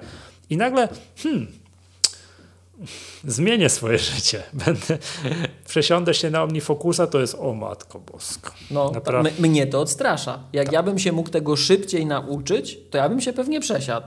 Ale mnie, ja już nawet raz czy dwa próbowałem, ale tak, bo to jest niezły prawem jazdy, ja nie mam czasu. No. Tak, to jest niezły kość. Rozumiem, że tego. to jest ja takie porównanie. Cały czas prowadziłeś samochód osobowy tam Fiata 500 i nagle ktoś cię próbuje nauczyć y, pilotowania Boeinga 787, nie? No to, no to, to tak, tak. jest drobna różnica, prawda? Tam, wiesz, tych przycisków cała masa, nie wiadomo do czego to służy, nie? Ale to od razu mówię wszystkim, jeżeli ktoś chciałby użyć, to OmniFocus do tego nie służy. Jak ktoś chciałby używać OmniFocusa jako tej listy zakupów, to delikatnie rzecz mówiąc przepłaci. Tak? Nawet w wersji standardowej. To tak jak ty, już używasz Photoshopa do malowania poziomej kreski. Tak. To jest trochę ekstrawagancja z swojej strony, że płacisz za tak drogie oprogramowanie do namalowania poziomej kreski. Więc, ale Michał, ale, jestem, no. jestem standardem branżowym, rozumiesz tutaj. Wykonujesz, posługujesz. Tak, ta, ale, tak, ale za to używasz typowego narzędzia, tak jesteś bardzo typowy. Więc oczywiście, że ktoś się już decyduje na takiego konia do zarządzania projektami jak OmniFocus, trzeba, znaczy trzeba, fajnie jest skorzystać z pełni możliwości tego programowania i zapłacić 150 dolarów i to jest, jak to ładnie na stronie, pan, bardzo mi się podoba po angielsku to sformułowanie, traditional one-off payment. Tak? Bardzo teoretycznie jest to, no znowu, dyskusja jak, jak zawsze, jak ze wszystkim, jak z z każdym tego typu oprogramowaniem, no, na przykład Affinity, tak? Na zawsze. Aczkolwiek dobrze wiemy, że to nie jest na zawsze, bo choćby dlatego, że ten OmniFocus 4 będzie dostawał jakieś update'y, już dostał, czy bodajże 4.1, czy tam 4.0.1, e, a stary OmniFocus 3 przestanie dostawać update'y. Czyli jak to w szczególności to ma znaczenie dla osób, które korzystają z nowinek systemowych. Dla przykładu, podaję przykład macOS Sonoma przyniósł nam interaktywne widgety. No to tutaj dyskutowaliśmy w którejś magatce, że mamy, tak, to jest nie, gest. Tak jest. nie. Dyskutowaliśmy którejś magatce, że na przykład nie możemy sobie te remindersy, widgety od reminders, od przypomnień na, nie wiem, na biurku umieścić, zrobiliśmy jakieś zadanie, pyk, klikamy na widgetik i on się robi, prawda? On się to mamy zadanie wykonane, to OmniFocus 4 również przyniósł nam te mm, interaktywne widgety, że możemy sobie te wszystkie, wiesz, narobiliśmy tych perspektyw bardzo dużo i możemy sobie tak napstrykać dużo, tak? A tu inbox, a a forecast, że tam jakiś kalendarz, a zadania, które upływają w ciągu trzech dni, a zadania, które się mają trzy określone tagi, a coś tam, możemy sobie to wszystko porobić, porobić i tak dalej. To też i Poprzedni OmniFocus też miał widgety, ale kliknięcie w niego otwierało ci program i prowadziło do konkretnego widoku. Tak jak się tak spodziewamy. Natomiast w OmniFocusie 4, który no, niesie ze sobą to, co nowe, skoro Sonoma nam to przyniosła, no to OmniFocus ogarnął i, i tam OmniGroup ogarnęło i w OmniFocusie mamy te interaktywne widgety. Więc, więc jeżeli godzimy się, nie, nie, nie potrzebujemy tych nowości, to możemy śmiało zostać na trójce, ale bądźmy przygotowani, że nic nowego nie będzie. Nie wiem, co przyniesie macOS 15 znowu coś fajnego, znowu coś, co spowoduje, że nasze komputery zwolnią, ale to będzie fajne. Czyli będziemy chcieli z tego korzystać. No to zakładam, że ten OmniFocus 4 dostanie jakiś update i, i to będzie, tak? Typu wiesz, interaktywne widgety 2.0, coś tam i tak dalej, prawda? No więc warto choćby z tego powodu się przesiąść, tak? Że więc, mm, więc to jest pierwsza rzecz. Y, teraz tak, te, teraz jedna z ważniejszych rzeczy. Jak się kupujemy to przez stronę Omni, przez tą, którą tutaj teraz widzi, wszyscy widzimy, znaczy podcastowicze nie, widzi, nie widzicie, ale klubowicze widzą, bo którą mamy, to te ceny, a jeżeli byliśmy właścicielem OmniFocusa poprzedniej wersji, trójki, trójki, to te ceny mamy przez pół. Czyli wersja Pro zamiast 150 yy, dolarów kosztuje połowę tego, 75. I to, to jak klikniemy upgrade, a teraz musiałem się logować za pomocą, nie, nie będę tego teraz tutaj robił, to trust me, tak? Przez pół. Czyli ja zapłaciłem 75 dolarów za wersję OmniFocus Pro. No i to mamy i oczywiście jak raz zapłaciłem, to jest przyporządkowane do mojego konta i ja na wszystkich urządzeniach jak się zalogowałem, no to mam dostęp do wszystkich, mm, do wszystkich, yy, no do, do pełnej funkcjonalności. Teraz tak, teraz będzie, to, to, to jest pierwsza rzecz. Teraz to będzie ciężki fragment do uzasadnienia, omówienia, Czym się różni OmniFocus 4 od OmniFocusa 3? Tak? Co nowego, mhm. co jest tym big thing, mm, że właśnie się trzeba się przesiąść i tak dalej. No nie ma niczego To nie jest takiego. tak, że czwórka jest już w SwiftUI zrobiona? Y, nie wiem, maybe. A on był na tych samych platformach wcześniej, łącznie z Watchem? Bo wiesz, mnie, mnie to akurat no. bardzo pociąga. To ten Apple Watch tutaj, to jest coś, mhm. co mnie ciągnie, że może ja to zrobię. No, tak, wiem, jedną z rzeczy, która różni OmniFocusa 4 od 3 jest to, że na Apple Watchu ta aplikacja w końcu coś przypomina. Jest piękna, fantastyczna aplikacja na Apple Watcha, aż sobie wyciągnąłem gdzieś na główny ekran, tak, że mam gdzieś, mogę zaprogramować, jakie perspektywy mam, jakie listy te jakby pogrupowane mam na Apple Watchu. Genialnie to wygląda, nie? To to, o, o, miłość, chcesz, skoro uzależniłeś się od Apple Watcha, tak, tak, jeżeli chcesz odhaczać sobie, nie wiem, tę listę zakupów prowadzoną w OmniFocusie, tak, idąc No. przez sklep, włożyłeś mleko, pyk mleko, włożyłeś i tak przypominam z remindersami tak można było, że miałeś listę zakupów w remindersach, przypomnienie, to elegancko, to powiem Ci tak, Apple Watch fantastycznie spełniał swoje zadanie. Szedłem, pyk, pyk, pyk, pyk, odhaczałem sobie, nie wyciągając telefonu. To jest, powiem Ci, ogromna zaleta, że nie wiesz, co chwilę tego telefonu, wiesz, odblokowujesz, coś tam, tu klikasz, męczące. Na zegarku to by było, to jest naprawdę dużo fajniejsze, to OmniFocus 4 się właśnie tego dorobił. Tak, no to to złoto jest. O to o masz, trzeba się przesiąść, bo, bo jest super aplikacja na Apple Watcha. Ale z innych takich rzeczy, takich big thing, ja nie widzę tego, czy coś jest, w czym to jest napisane, ja się tym nie znam, musiałbyś mi już ty ocenić, poużywać troszeczkę, to ona jest taka, jakby to powiedzieć, ona jest tak... Mm, przepisana na nowo. Ten interfejs graficzny, to jest takie ładne angielskie słowo, jest tweaked, tak? Że jest tam, wiesz, wszystko jest elegancko, takie, wiesz, to jest cała masa drobnych usprawnień. On wygląda nowocześnie, fajnie i tak dalej, ale nie ma, nie, nie jestem w stanie wskazać żadnej dużej, poważnej rzeczy, która decyduje, że to jest to. On jest po prostu przyjam, przyjemniejszy, fajniejszy. Ładniej to wszystko wygląda. Wszystko jest takie wypolerowane, tak ultra nowoczesne, ale nie ma nic takiego bardzo, bardzo, bardzo, bardzo dużego. Tak? Natomiast ponieważ jestem, jestem, jestem świadomy tego, że trzeba raz na nie wiem ile lat zapłacić takiemu deweloperowi, żeby on ten swój produkt rozwijał. Szczególnie 70, takiemu deweloperowi Tak. jak tak, 75 dolarów uznaje, e, uznaje za mm, fair cenę. To znowu wracamy do wielokrotnej dyskusji, kiedy upgrade'ować, kiedy dopłacać, tak? Kiedy widzę, że te zmiany są no, w miarę fajne, że deweloper mnie nie tam nie robi w naciąga. jajo, nie naci- a z drugiej strony, z drugiej strony tak, ta kwota jest też sensowna, to okej, to, to płacę, to, to jest, uznaję, że to jest taki, wiesz, abonament płacony raz na ileś tam, jest na ile, ile, ileś tam lat. Tak, zwracam uwagę, że nie, nie widać, nie masz dużych zmian, bo ja przez to, że tam żyłem rok w tej becie, żyłem rok w becie, to już sobie, wiem, nie powinnoś tego robić, ale to zrobiłem, szpalicho, machnąłem ręką. Synchronizowałem te zadania między trójką a czwórką przez konto Omni synchronizowałem i patrzyłem sobie, aha, tu zmieniłem, tu się zmieniło, to wygląda tak, to wygląda tak. O tu Maciek, bardzo ładnie tutaj, dziękuję bardzo, z oficjalnej informacji Omni ws- wkleił. Uniwersalny zakup na wszystkie platformy. Tak, tak jest. Jeżeli to kupiłeś raz, to masz to na wszystkich platformach, tak? Trzeba to zrobić przez, przez stronę Omni, a nie przez App Store, bo masz wtedy taniej, tak? E, lepszy layout, no to tak zgadzam się. Widgety, tak zgadzam się. Lepsze, o to Jezus, lepsze wsparcie klawiatury na iPadzie. To o tym nie mam zielonego pojęcia, bo mi klawiatura na iPadzie nie, nie, działa. Mm, I to, to jest jakieś prognozy. Nie wiem o co chodzi. E, mm, no nieważne. Mm, Teraz tak. Widać, mimo tego, że to było rok w becie, że jakby droga przed Omni Group jest długa. Bo mimo tego, że tych wychodziło tych wersji, tych bet, o Jezus, już myślałem, że nie doczekam się finalnej wersji, to, to, ale już w końcu doczekałem, to to dalej jest niestabilne.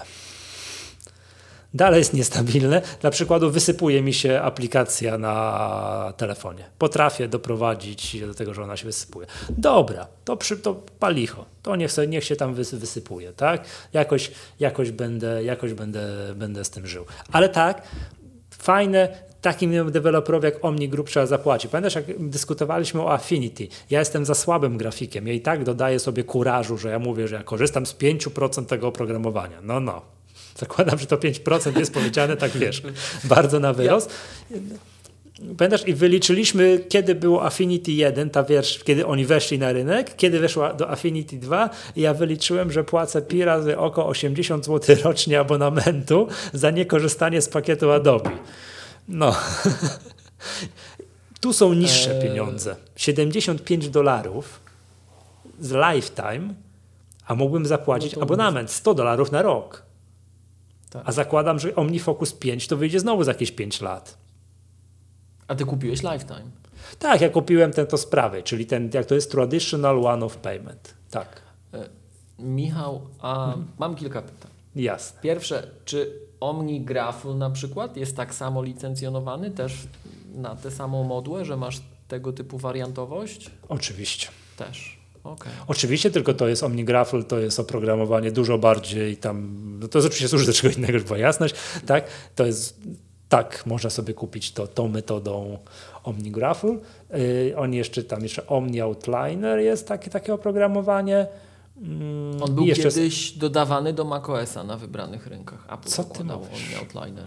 Jak ja Tak, kupowałem ale Omni pierwszego Outliner- Maca, to miałem. To jest yy, oprogramowanie, które nie jestem w stanie powiedzieć, do czego służy. To jest tak, oni tu piszą, że Powerful tool for organizing information. Tak, do układania informacji. Tak, Złośliwy, no nie, nie wiem, czy to można tak, No, jak, jak freeform trochę.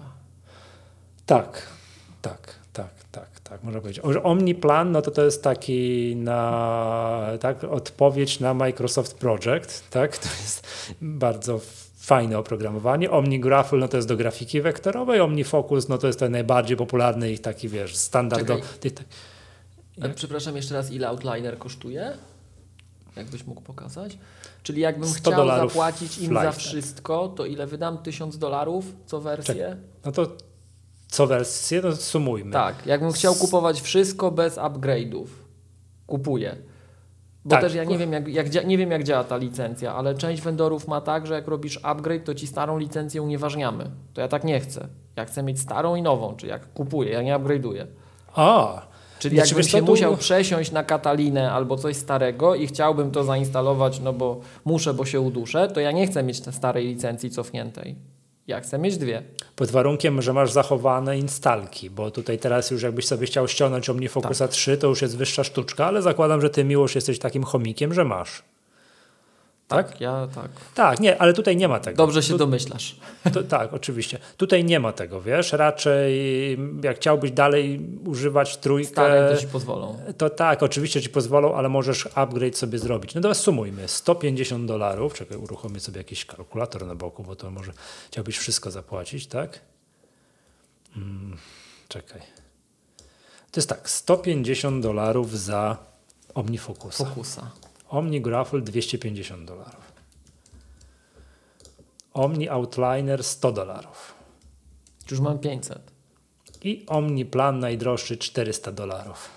To nie 1000, to 900. 900 dolarów. Jakbyś chciał kupować to upgrade'ując, zakładam, że wszędzie jest identycznie jak w przypadku OmniFocusa, czyli przez 50, przez 50, przez połowę, tak, 50%, no to będziesz miał 450 dolarów co pewien czas. Oni mają wszędzie, jak widzisz, ten taki, wiesz, monthly lub też yearly subscription. No i OmniFocus, przypomnijmy, 10 dolarów płacone co miesiąc, tu masz mm, OmniGraffle 12,50, Omni Outliner 5 i OmniPlan. To jest, to jest niesamowite oprogramowanie, bo to mówię, to jest ta od, o, omniowa odpowiedź na Microsoft Project. To jest, to, to jest naprawdę niezły koń tutaj, prawda? To jest 20 dolarów. Mm, Możesz to w ten sposób sobie składać. Ja się aż dziwię, że nie mają um, opcji takie, jakieś takie, wiesz, Full Omni. Omnipl- tak, OmniPlan czy coś tam, że płacisz jakąś jedną kwotę, która jest wyższa niż każda pojedyncza, ale mniejsza niż suma wszystkich czterech, która ci nie pozwala korzystać ze wszystkich czterech y, oprogramowań, tak? Omni One. Omni One, dokładnie. Pięknie. Omni One. E, No, ale to tak właśnie powiem szczerze, patrząc na te ceny, to oni się bardzo fajnie zachowali. Bo oni w żaden sposób nie każą cię za to, że ty chcesz kupić tak jak to kiedyś bywało licencję standalone. Bo niektórzy deweloperzy tak czasem robią, że jak przechodzą na abonament, to podnoszą te licencje zwykłe. Że one się nie kalkulują, więc jak chcesz mieć licencję taką tradycyjną właśnie, to ona jest teraz trochę droższa niż była kiedyś, a ten abonamencik jest yy, taki przychylny, bardziej przychylny. Na, a wydaje mi się, że ja tego OmniGraffle to z 10 lat temu za 250 dolarów kupowałem. I on pomijając inflację i wszystkie dramaty nadal kosztuje tyle samo. Mhm. Um, to, to jest jedna rzecz. No.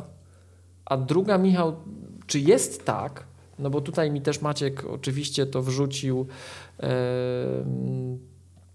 do rozmowy, że to się przecież synchronizuje.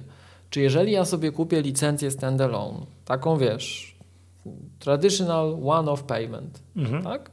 To czy ja mam dostęp do synchronizacji, czy wtedy nie? Tak, tak, oczywiście. Mam. I to w nieskończoność. No, no tak, dopóki to działa. No mi się to wszystko synchronizuje między, wiesz, no te, te zadania, nie wiem, tutaj na Macu odkliknę, że zrobiłem, to na iPadzie, iPhone'ie się odkliknęło. Natomiast to jest rzecz, która warto jest podkreślenia. Jak przez chwilę używałem, zresztą dalej próbuję tak równolegle używać, ale jednak nie jestem aż do końca zadowolony z, mm, ze systemowych tych remindersów, no to tam, jak na jednym urządzeniu kliknę, że zrobiłem, to na innych, na innych to jest bzz już. To jest pół sekundy, sekunda. To jest natychmiast. Widać, że te Apple ma pod spodem swoje mechanizmy do synchronizacji napisane mm, fantastycznie, tak? Natomiast tutaj logujesz się kontem tym omniowym. Tam masz jakieś, jakieś login, hasło w tym Omni Group, którym się logujesz na przykład tutaj na stronę i logujesz się w aplikacji, tak? Jak odklikniesz zadanie, nie wiem, na Macu, to zanim ono się odkliknie na iPhone'ie i iPadzie, no to mija dłuższa chwila. Więc taka robota na, na dwie ręce. Tu se klikam na jednym urządzeniu, a tu se klikam na drugim urządzeniu, to nie to oprogramowanie. To tu nie róbcie tak, bo sobie bałaganu narobicie. Tak? To trzeba klikać na jednym, a na drugim się nie przejmować, da, da, dać mu czas. Mało tego, to jest tak zrobione, Weźmy na przykład znowu ta synch- synchronizacja już taka wewnętrzna jed, na jednym urządzeniu, czyli, e, czyli między aplikacją a widgetem. Patrz, jak odkliknąłem zadanie w przypomnieniach systemowych na wi- widgetem, to ona w aplikacji dz- to natychmiast. To jest wszystko tak, to jest wiesz, to są mikrosekundy. Natomiast potrafi być tak w OmniFocusie, że mam otwartą aplikację, o zrobiłem jakieś zdanie, odkliknąłem, a na widgetie ona jeszcze wisi, wisi, wisi, wisi, o widget się zupdate'ował. To aż tak potrafi być. Na jednym urządzeniu. Zanim ona znowu synchronizuje się z innym urządzeniem, to dużo czasu mija. Widać, że to nie jest nie wiem, jakie to są mechanizmy pod spodem zaszyte, ale no to, to, to nie działa tak, jak powinno działać. Nie? Do, którego, do którego jesteś przyzwyczajony, jak korzystasz z, nie wiem, no, z rozwiązań natywnych, aplowskich. No tam to jest po prostu ta synchronizacja jest, wiesz, to lata wszystko. To są, wiesz, to jest, to jest światła prędkość, nie? No tutaj to tak... Ledwo co, nie? Ledwo co. No tak to, tak to jest, nie? Aczkolwiek i tak mm, OmniFocus w moim przypadku że to, że ja tego używam, że chcę tego używać, to są dwie rzeczy. Pierwsze to custom perspective, że ja sobie mogę tego nabudować, tak wiesz, skomplikowaną zależność i mieć jakiś widok taki, jak ja lubię, tak? Mam tego trochę tutaj porobione. I druga rzecz, rzecz, której nie znalazłem w żadnej innej aplikacji, to jest, że jak zrobię, powiedzmy sobie, nie wiem, strzelę sobie, miesięczna, coś muszę zdanie okresowo wykonywać co miesiąc. Nie wiem, 10 każdego miesiąca wykonuję każde zadanie. No i teraz co, to teraz będzie? 10 stycznia. Mam zaznaczone, że jakieś zadanie muszę zrobić 10 stycznia. No i to, ale 10 grudnia też to było. I teraz chodzi o to, że jak ja 10 grudnia kliknąłem, to mi się natychmiast to zadanie zrobiło na 10 stycznia, że to nowe się pojawiło w tym momencie. Ale ja nie chcę go widzieć, bo mnie denerwuje, bo jest nawet płatność za coś. Tak? To wtedy mogę sobie kliknąć y, tam odłóż i ona mi się na przykład pojawi, no nie wiem, 5 stycznia dopiero. Że ja do 5 stycznia w ogóle nie widzę. Tak jakbym go nie miał. ci nie zaśmieca życia. Nie No zaśmieca. dobra. A Że mam, wiesz, Michał, 10 zadań, które muszę zrobić co miesiąc, te 10 odklikuję sobie pyk, pyk, pyk, pyk, pyk, pyk, pyk. Mam zrobione i ja ich przez miesiąc prawie nie widzę. Wszystko mam zrobione. Ja Słuchaj. wiem, że to można, przepraszam, tam widokami, różnymi tam systemami zrobić też w remindersach, ale jest to takie łapanie się prawą ręką za lewe ucho, a i tak nie jestem w stanie uzyskać tego efektu, który, którego chcę. OmniFocus mi to daje i to jest zrobione obłędnie dobrze. Tam jest strasznie, to jest miłość to, co ty się mówisz, rozbijasz. Tam jest w tym takim oknie, nazwijmy to takim panelu sterowania różnymi opcjami przy jednym konkretnym zadaniu jest tyle, że głowa boli. Ale jak się to opanuje, to to jest bajka. Nie? To jest, to jest to, co mówisz, wiesz, jak to Tak. wpływa na twoją produktywność, jeżeli to po prostu jest takie, jak ma być, to jest to Tak. narzędzie dopasowane do ciebie, Tak. to te pieniądze są pomijalne. E, Natomiast dobra, masz takiego, wiesz, gościa jak ja, Mhm. który nie wie nic o tym softie. Ile twoim zdaniem ja muszę poświęcić czasu, żeby się tego nauczyć?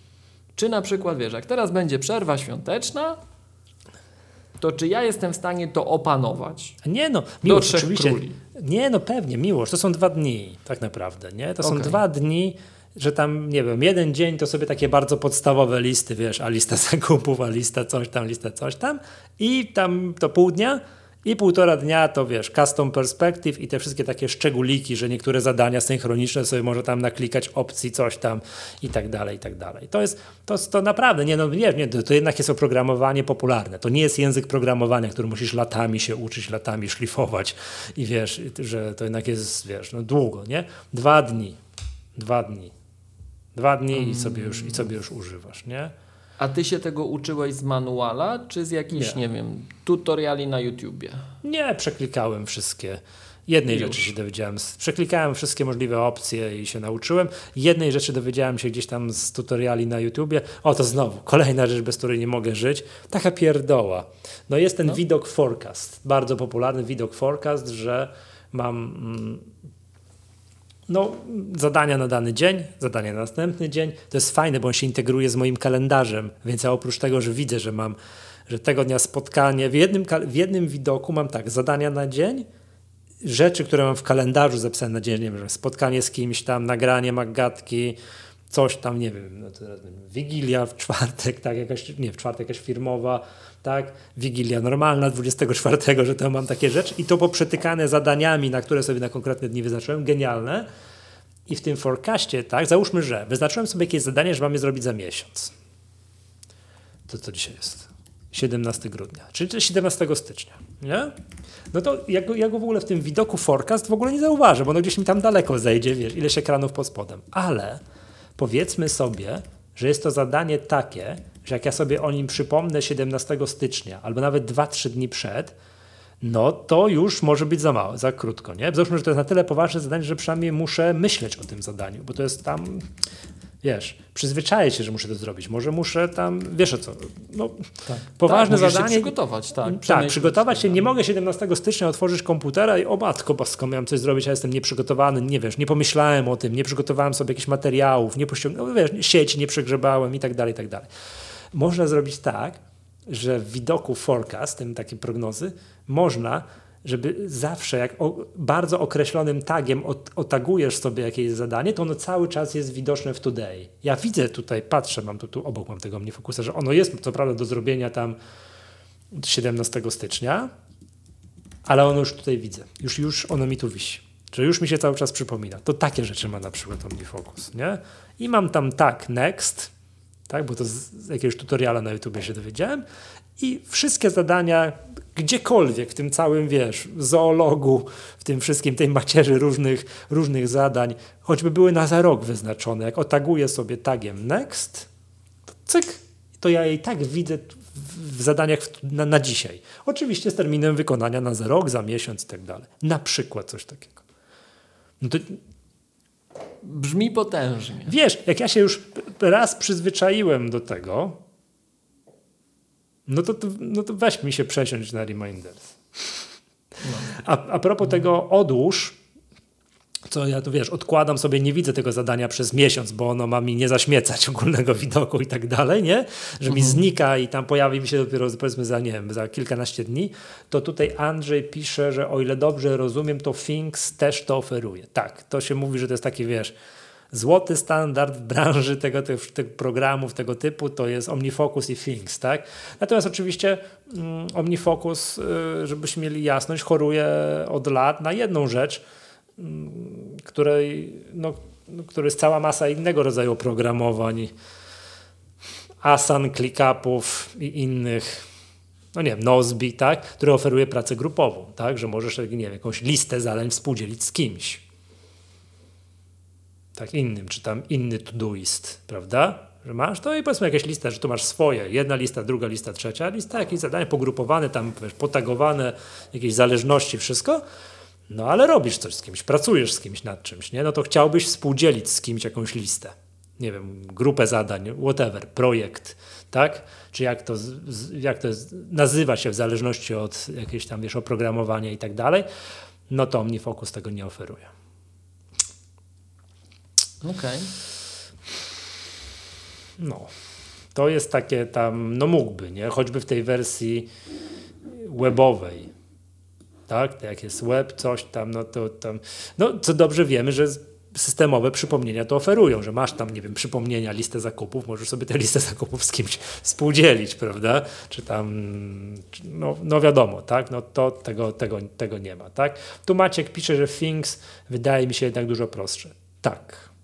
Tak jak ja, tyle co ja widziałem, ale Things jest też bardzo drogim oprogramowaniem. Oj, nie, tutaj jakaś niemiecka firma pisze chyba, to, to nie pamiętam do końca, Eee, tak, i Maciek pisze, że Finks może zacząć używać bez wyrywania dwóch dni z życia na ustawianie. Eee. Powiem tak, mi sprawia, tak, Cultured Code, satysfakcję z tego, że jestem takim, wiesz, że to jest mój superpower, że umiem używać OmniFocusa.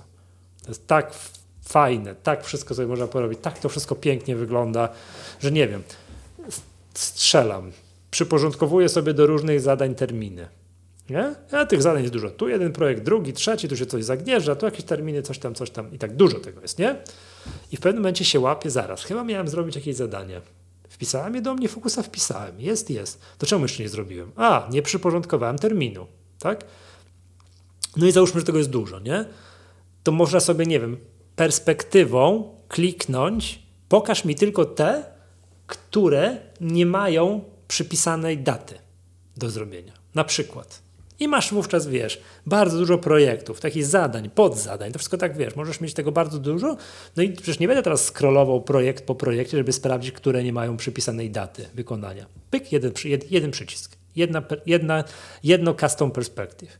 Albo nie wiem, że staram się tagować wszystkie zadania. Mam tam jakąś grupę tagów, żebym sobie mógł popatrzeć, aha, że tutaj jakieś tam tak, tak, pyk. Co ja tutaj mam? Mhm, mam tutaj to. Dobra, wiem. Tak, taki, pyk OK, no to jak czegoś nie otaguję, to tego tam nie ma, czyli niedobrze, nie?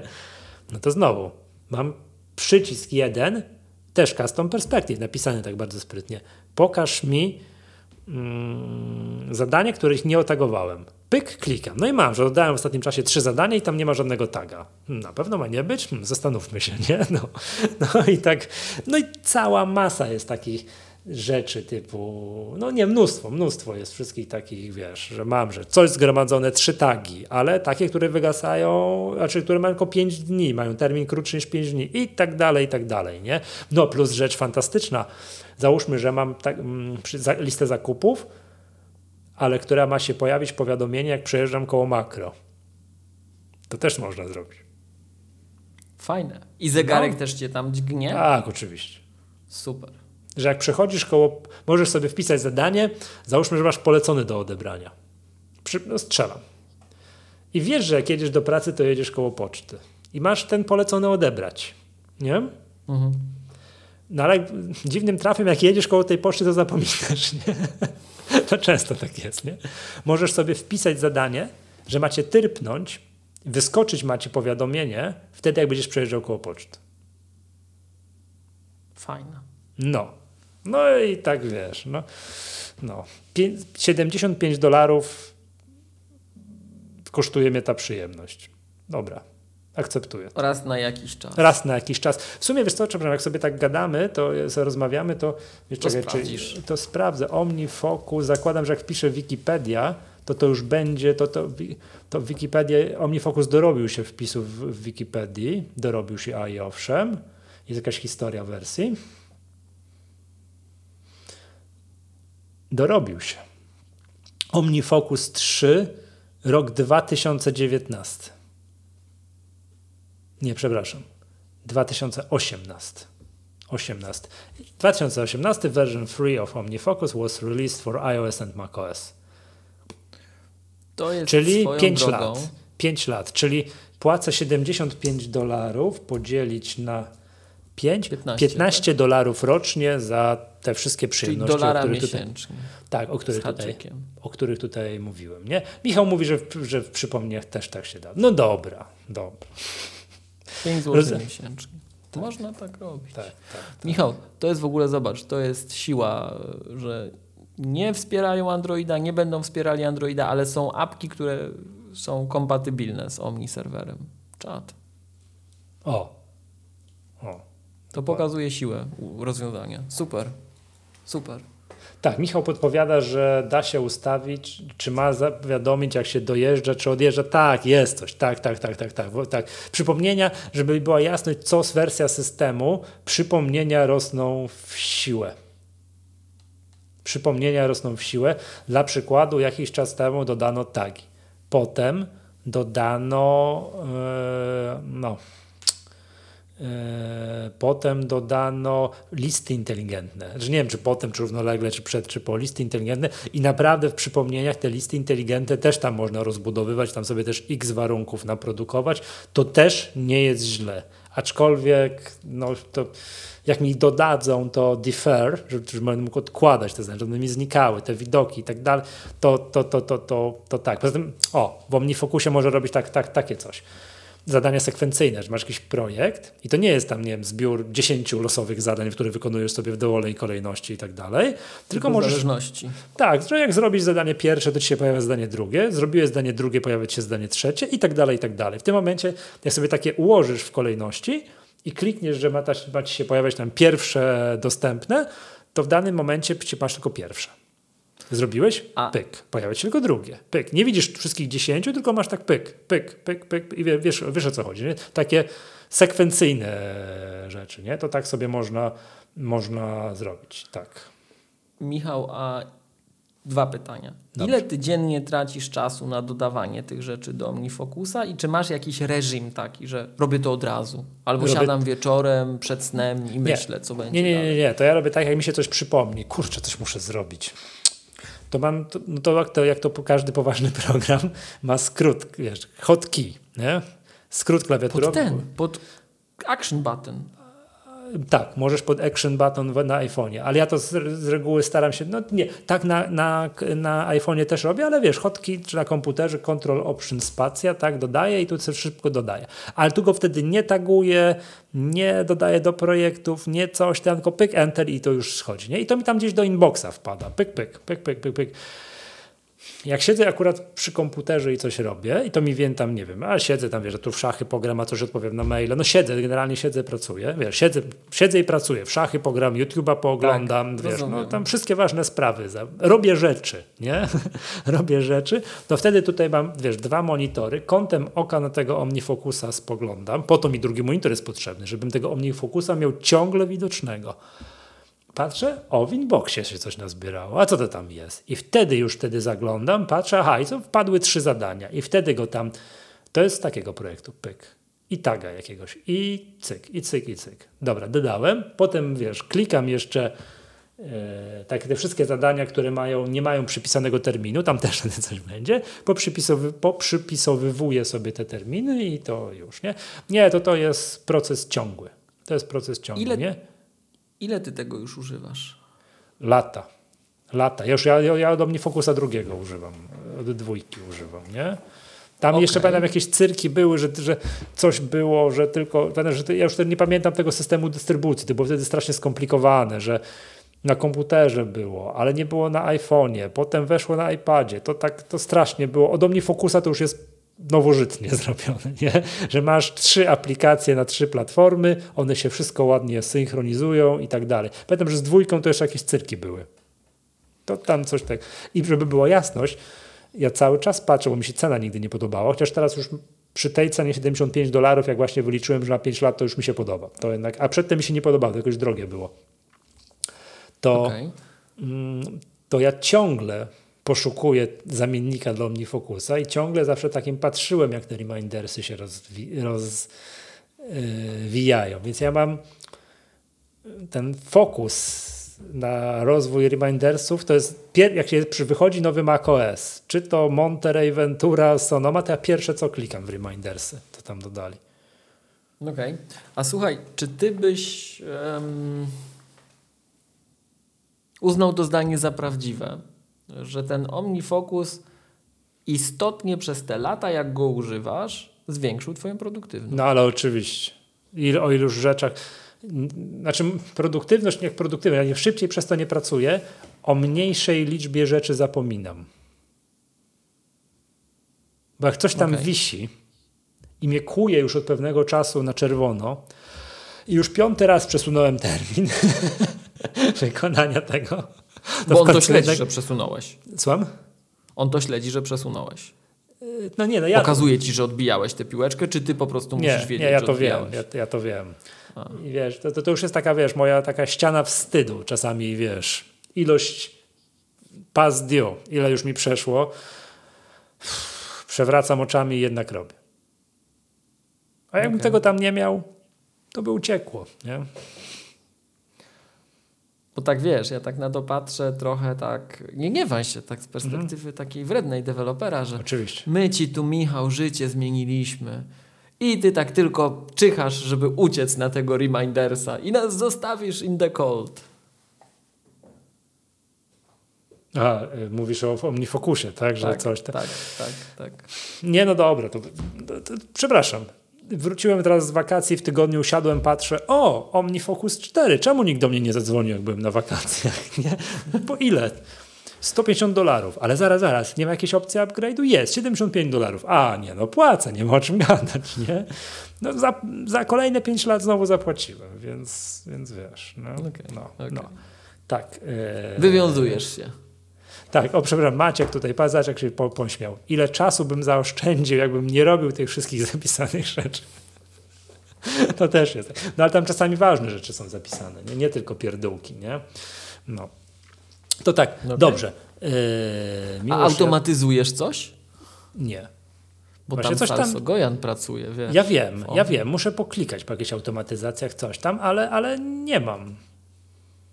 Nie mam. Nie, nic Okej. nie automatyzuję. To jest, wiesz co, to jest kwestia taka, że to zapisywanie, to wszystko zorganizowanie tego i tak dalej, to naprawdę nie potrzebuje już, wiesz, Apple scriptów, to, to, to, to ma być wszystko ładnie zapisane, posegregowane, w custom perspective ubrane, ma działać na tym, ma, ma ładnie, ma cieszyć oko. O, to jest rzecz kompletnie niewymierna, kompletnie niezwiązana z funkcjonalnością mm, no, tego programu, tak?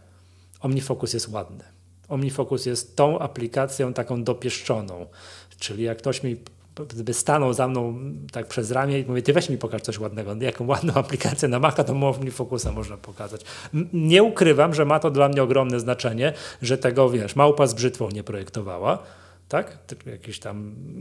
Są niestety aplikacje takie, które włączasz i tak, a, zabierzcie to ode mnie, nie? Wypala No to- oczy. Tak, że nie da się używać, że po prostu nie wygląda jak nasza aplikacja.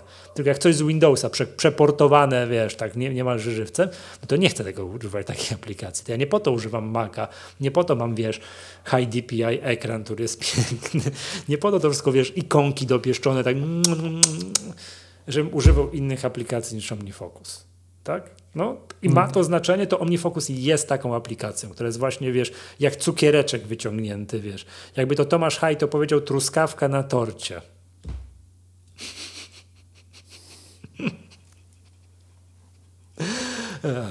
Dobrze. E, e, Tu pyta się, czy OmniFocus wspiera Apple Script. Odpowiedź jest pozytywna. Tak jest. OmniFocus wspiera Apple Script. To jest, jest, padło takie pytanie. Tak, owszem. Więc jak chcesz sobie tam Okej. coś i shortcutsy i wszystko, i to jest wszystko tam powpinane, to wszystko tak, e, no, no tak, tak. To wszystko jest. Już chciałbym cię trochę zachrypłem, chciałbym ci oddać głos, bo chciałeś powiedzieć o, O resecie. zmianach w Apple Professional Training. proszę bardzo. Em, my to gdzieś chyba wspominaliśmy przy różnych okazjach. Słuchajcie, training.apple.com, katalog y, autoryzowanych materiałów szkoleniowych Apple, dostępny od dłuższego czasu za darmo w wersji online, przygotowujący do certyfikacji Apple. No i 19 nastąpi reset, także będą nowe materiały, nowe kursy przygotowane z myślą o nowych liniach y, systemów operacyjnych, nowych produktach. Także warto, warto, warto y, zerkać w tę stronę, przygotowywać się i zdawać, miejmy nadzieję. Na dzień dzisiejszy w Polsce jest chyba 19 osób, które mają certyfikację Apple. To jest malutko, malutko, malutko, dużo za mało. Także wszyscy byśmy chcieli, żeby tych osób było więcej. No i warto ruszyć. Na dzień dzisiejszy mamy dwie ścieżki, pięć kursów, cztery certyfikacje. Mamy ścieżkę App Developer Training. dla której na mm, trainingapple.com jest kurs taki uczący trochę Swifta, trochę UI-Kita, trochę Swift UI-a. Oprócz tego w zasobach developer.apple.com jest osobny kurs, który uczy Swift UI-a i e, jeszcze występują podręczniki przez Apple Education przygotowane, dostępne w aplikacji Apple Books, App Development e, in Swift w tej serii. W tej chwili są to trzy podręczniki: Fundamentals, Data Collections i Explorations. No i w związku z tym Apple dla Swifta ma przygotowane dwa egzaminy, dwie certyfikacje. Mm, Associate Level i Certified User. Także zapraszamy, zapraszamy. Natomiast dla ścieżki IT są trzy kursy. Jest Device Support, z grubsza odpowiednik e, niegdysiejszego macOS Support Essentials, do którego dedykowaną certyfikacją jest e, Apple Certified Support Professional, czyli ten słynny, od lat wymagany w branży ACSP. Także jeżeli jesteś profesjonalistą, jeżeli e, wiesz o czym mówisz, to potwierdza się to tym certyfikatem i tego wymaga Apple od swoich partnerów. Na przykład, jeżeli chcesz być ACN-em, to ludzie w Twojej organizacji, w każdej lokacji musisz mieć co najmniej jedną tak przecertyfikowaną osobą. E, przez lata, nie wiem jak jest teraz, było to wymagane od resellerów o odpowiednim poziomie. Także jak miałeś na przykład APR-a, to Apple Premium Resellera, to on musiał też mieć osoby, które przeszły taką certyfikację, określoną ich ilość na zmianie zawsze, tak? E, wymaga się tego właśnie od wszelkiego rodzaju mm, sprzedawców, partnerów, wdrożeniowców i tak. A jak już mówimy o wdrożeniowcach, to jest jeszcze jedna ścieżka Deployment and Management, która się kończy egzaminem nadającym tytuł Apple Certified IT Professional, żeby to uzyskać, trzeba najpierw pomyślnie zdać ten pierwszy level i podejść do tego. Y, jest to cały czas dość prestiżowa certyfikacja. W Polsce mają to chyba cztery osoby, na świecie było, jak ostatnio patrzyłem, 500 osób na całej planecie, także warto, warto, warto, warto. To jest coś, co no, jak masz, to siłą rzeczy jesteś elitą. No, co tu dużo mówić, tak? Dość mocno poszukiwana przez partnerów Apple'a, E, a także przez firmy zewnętrzne, bo to z kolei potwierdza to, że wiesz, jak wyglądają programy wdrożeniowe Apple, jak ten słynny deployment, o którym myśmy tutaj w Maggatce kilka razy mówili, wygląda.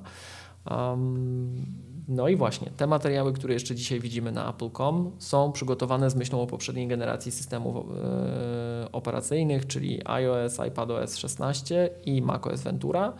Lada moment, właśnie 19 nastąpi odświeżenie, pojawiają się materiały dla Sonomy i 17.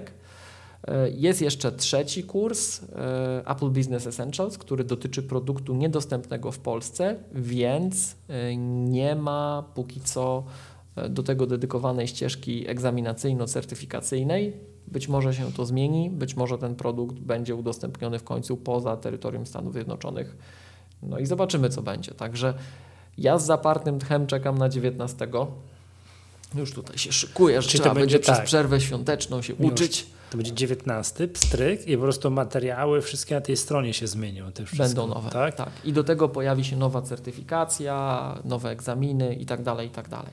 A przypomnij mi, bo ty mi o tym mówiłeś. Czemu materiały takie właśnie, nie wiem, do certyfikacji z macOS Sonoma pojawiają się pół roku, nie, nie pół roku, przepraszam, bo jednak oficjalny wypust Dwa, trzy miesiące po. To jednak nie jest pół roku. Pół roku to jest od zapowiedzi. No dwa, trzy miesiące po, a nie w day. Wymaga, bo to wymaga przygotowania. Tak między nami mhm. mówiąc, jak spojrzysz yy, na Mm, na, man, na manuale, na user guide, które są wbudowane w nasze produkty, to ludzie o tym nie mówią, w ogóle tego jakby nie dostrzegali, ale słuchaj, wychodzi Sonoma i masz spolszczone, przygotowane we wszystkich wersjach językowych podręczniki do tego systemu. Podręczniki do macOSa i aplikacji wbudowanych na przestrzeni ostatnich lat wykonały ewolucyjny skok po prostu. W tej chwili to już nie są takie tylko zwykłe tekstowe materiały, to jest dużo fajniejsze, dużo bardziej obszerne, dużo bardziej dokładne, dostępne w większej ilości języków niż kiedykolwiek wcześniej i to jest day one, to Apple przygotowuje. Natomiast to jest to, co dotyczy konsumenta, tak? I każdego z naszych użytkowników. Natomiast jeżeli chodzi o te materiały profesjonalne, no to Tutaj potrzeba trochę więcej czasu, żeby to przygotować. Są osobne zespoły wewnątrz Apple, które się tym zajmują. I to historycznie składało się z trzech fragmentów, teraz z dwóch. Historycznie było tak, że tego typu szkolenia były dostarczane w, w takich fizycznych warunkach. Między innymi K7 prowadziło autoryzowane centra szkoleniowe dla Polski, Czech i Słowacji. W tych trzech krajach operowaliśmy. No i tam rzeczywiście przygotowane były materiały dydaktyczne. One kiedyś były dostępne w postaci drukowanych książek i e-booków, ale takich, wiesz, w oparciu o fizyczny podręcznik, który miał powiedzmy tam około tysiąca stron dla danego tematu. E, oprócz tego były przygotowane takie materiały dydaktyczne, którymi dysponowali trenerzy. Następowało przeszkolenie trenerów do każdego z tych procesów. No i ogólne przygotowanie tego plus przygotowanie egzaminów. Tak? Więc były takie trzy toki. Od pandemii to się zmieniło. Nie ma już tych fizycznych centrów takich komercyjnych, są tylko akademickie ośrodki, między innymi WSB Merito, dla którego tutaj też K7 pracuje. I, mm, I rzeczywiście w warunkach akademickich to ta historia wygląda jak wyglądała, ale w warunkach takich komercyjnych stricte, to w tej chwili materiały są dostępne w wersji online są e, bezpłatne, no i wypuszczane troszkę szybciej, bo ten proces udało się e, ułatwić, tak, usprawnić. Oczywiście jest też tak, tylko tego już nie oferuje samo Apple, oferuje, oferują to różni gracze na rynku, e, że jeżeli ty jesteś taką osobą, która ceni sobie to, żeby być przeszkolonym przez kogoś, kto wie, to rzeczywiście te, nie, spora część tych byłych autoryzowanych ośrodków ma w tej chwili swoje takie towarzyszące szkolenia prowadzone nadal przez trenerów Apple, którzy no, przerabiają z Tobą ten materiał. Także możesz coś takiego komercyjnie wykupić, możesz na przykład w Polsce to kupić w K7. Jak prowadziliśmy z WSB Merito studia podyplomowe, to to był element studiów podyplomowych. E, większość naszych absolwentów przeszła te certyfikacje, pozdawała. E, no i w kilku przypadkach widać, że to wpłynęło na ich ścieżkę kariery tak dość wyraźnie. E, Super. Niektórzy otworzyli ACN-ów, ACN-y, czyli Apple Consultants Networks podmioty. E, część zatrudniła się dla już istniejących ACN-ów, tak, nie tylko w Polsce zresztą. E, także no to ma znaczenie, bo te firmy tego potrzebują. Te, ci profesjonalni doradcy potrzebują takich osób, dlatego warto na to spojrzeć. Słuchajcie, materiały są za darmo. Jeżeli nie chcecie pomocy trenera komercyjnej, jakiejś usługi gdzieś na rynku, to możecie sobie to sami przerobić w własnym tempie, samodzielnie, podejść tylko do egzaminu. Egzamin kosztuje, jeśli dobrze pamiętam, 200 dolarów za podejście. Dotychczas było tak. Do dowolnego. Z grubsza tak, z grubsza tak. Do dowolnej jakby Jest... ścieżki, tak? Tak, jest rozróżnienie okay. na ścieżkę programistyczną i ścieżkę tą IT, przynajmniej dotychczas było, bo być może od 19 te warunki ulegną zmianie. Dotychczas było tak, że certyfikacje Swiftowe trzeba było realizować w naziemnych, fizycznych centrach. I tutaj na przykład K7 jest takim mhm. centrum, możecie do nas przyjść i pod nadzorem takiego obserwatora e, zdawać to, tak? który będzie pilnował, czy nie ściągacie, czy wszystko jest tak, jak trzeba. Natomiast te warunki online są e, zapewnione dla ścieżki IT. Czyli ścieżkę IT zdajesz sobie z domu. Musisz zainstalować specjalne oprogramowanie na swoim Macu. To oprogramowanie przejmuje kontrolę nad Twoim komputerem, wyłączamy wszystko inne, chodzi tylko to. E, oczywiście masz włączoną kamerę, masz włączony mikrofon, musisz nam pokazać swoje otoczenie, musisz Jak na zawodach szachowych. w kamerę. Tak, tak, tak. My tam to różne rzeczy. Co czołowi szachiści, jak biorą udział w turniejach online, to muszą mieć jakieś ekstra dodatkowe kamerki, żeby pokazywać to otoczenie, czy on nie ma tu z boku komputera, wiesz, silnikiem szachowym. Ale to, to trochę tak jest. Ja się, ja się w żadnym razie nie śmieję. Rzeczywiście y, jest to robione. Są też analizowane mhm. takie dane o tobie, jak na przykład to, że wiesz, że jak ty zdajesz, to tam czytasz licencję przed przystąpieniem. Czy się w ogóle na to zgadzasz, tak? Że oni będą analizowali to na przykład, y, jak ty zaznaczasz myszką. Trochę tak jak banki. Nie wiem, czy wiesz, banki też analizują to, jak ty myszką tak. poruszasz w serwisie, tak, serwisie tak, transakcyjnym, żeby wiedzieć, czy to ty, czy nie jakiś czy... skrypt, czy ktoś nie przejął konta i tak dalej. Tu jest dokładnie to samo. Czyli jest takie profilowanie pod kątem tego, czy to ty, tak? No tak, i, ja kojarzę, że są podejścia. banki, chyba ING tak robi, że zgadzasz się na to, gdzieś tam klikasz, że jak coś było, że zawsze w serwisie robisz tak, ale jak zaczęłoby robić inaczej, coś nietypowego, to on tam zaalarmuje cię, coś będzie jakieś ostrzeżenie, albo każe ci ekstra hasło wpisać, albo coś takiego. Tak, tak, tak. Są takie rzeczy. Super. Hmm. Um, także Zapraszamy, tak? E, od. e, Ile miłość jest, 19. przepraszam, wymieniały, ile jeszcze możesz powtórzyć? Ile na sztuki Możesz- jest tego rodzaju ty- certyfikatów, ścieżek certyfikacji? Cztery. Cztery. Cztery. Okej. No. Czy to są trudne egzaminy? To zależy. Tutaj zdania są podzielone, bo jak masz tych praktyków Apple'owych, profesjonalistów, to ten certyfikat ACSP to jest najstarszy certyfikat y, taki no, nasz w Apple'owym środowisku. Ja go zdaję, no bo dzisiaj jestem trenerem, ale przez Mhm. bardzo, bardzo, bardzo wiele lat byłem y, tylko certyfikowanym specjalistą. Żebym Cię nie okłamał, ja go chyba 15 albo 16 lat co roku zdaję. Tak, więc jak to zdajesz 15 czy 16 rok z rzędu i ten system się zmienia, oczywiście ten egzamin to odzwierciedla, to nie jest to dla ciebie coś e, zaskakującego, więc tu muszę przyznać, że ja mogę być nieobiektywny e, i po studentach, których przygotowywaliśmy zarówno w K7, jak i na uczelni, my ten współczynnik zdawalności mamy bardzo, bardzo, bardzo wysoki. No to jest 90 kilka procent. To jest, to jest ewenement, jak ktoś nam nie zdaje, tak? I nie zdarzył nam się nikt, kto by nie zdał w tych dwóch podejściach, bo masz tylko dwa podejścia. E, Ale rzeczywiście osoby, które używają Maca od lat, bo takie też widzieliśmy, albo już w szczególności od niedawna i na przykład pracodawca sobie zażyczył, że ma być, bo mają politykę firmy, że każdy to ma mieć w dziale IT na przykład, tak?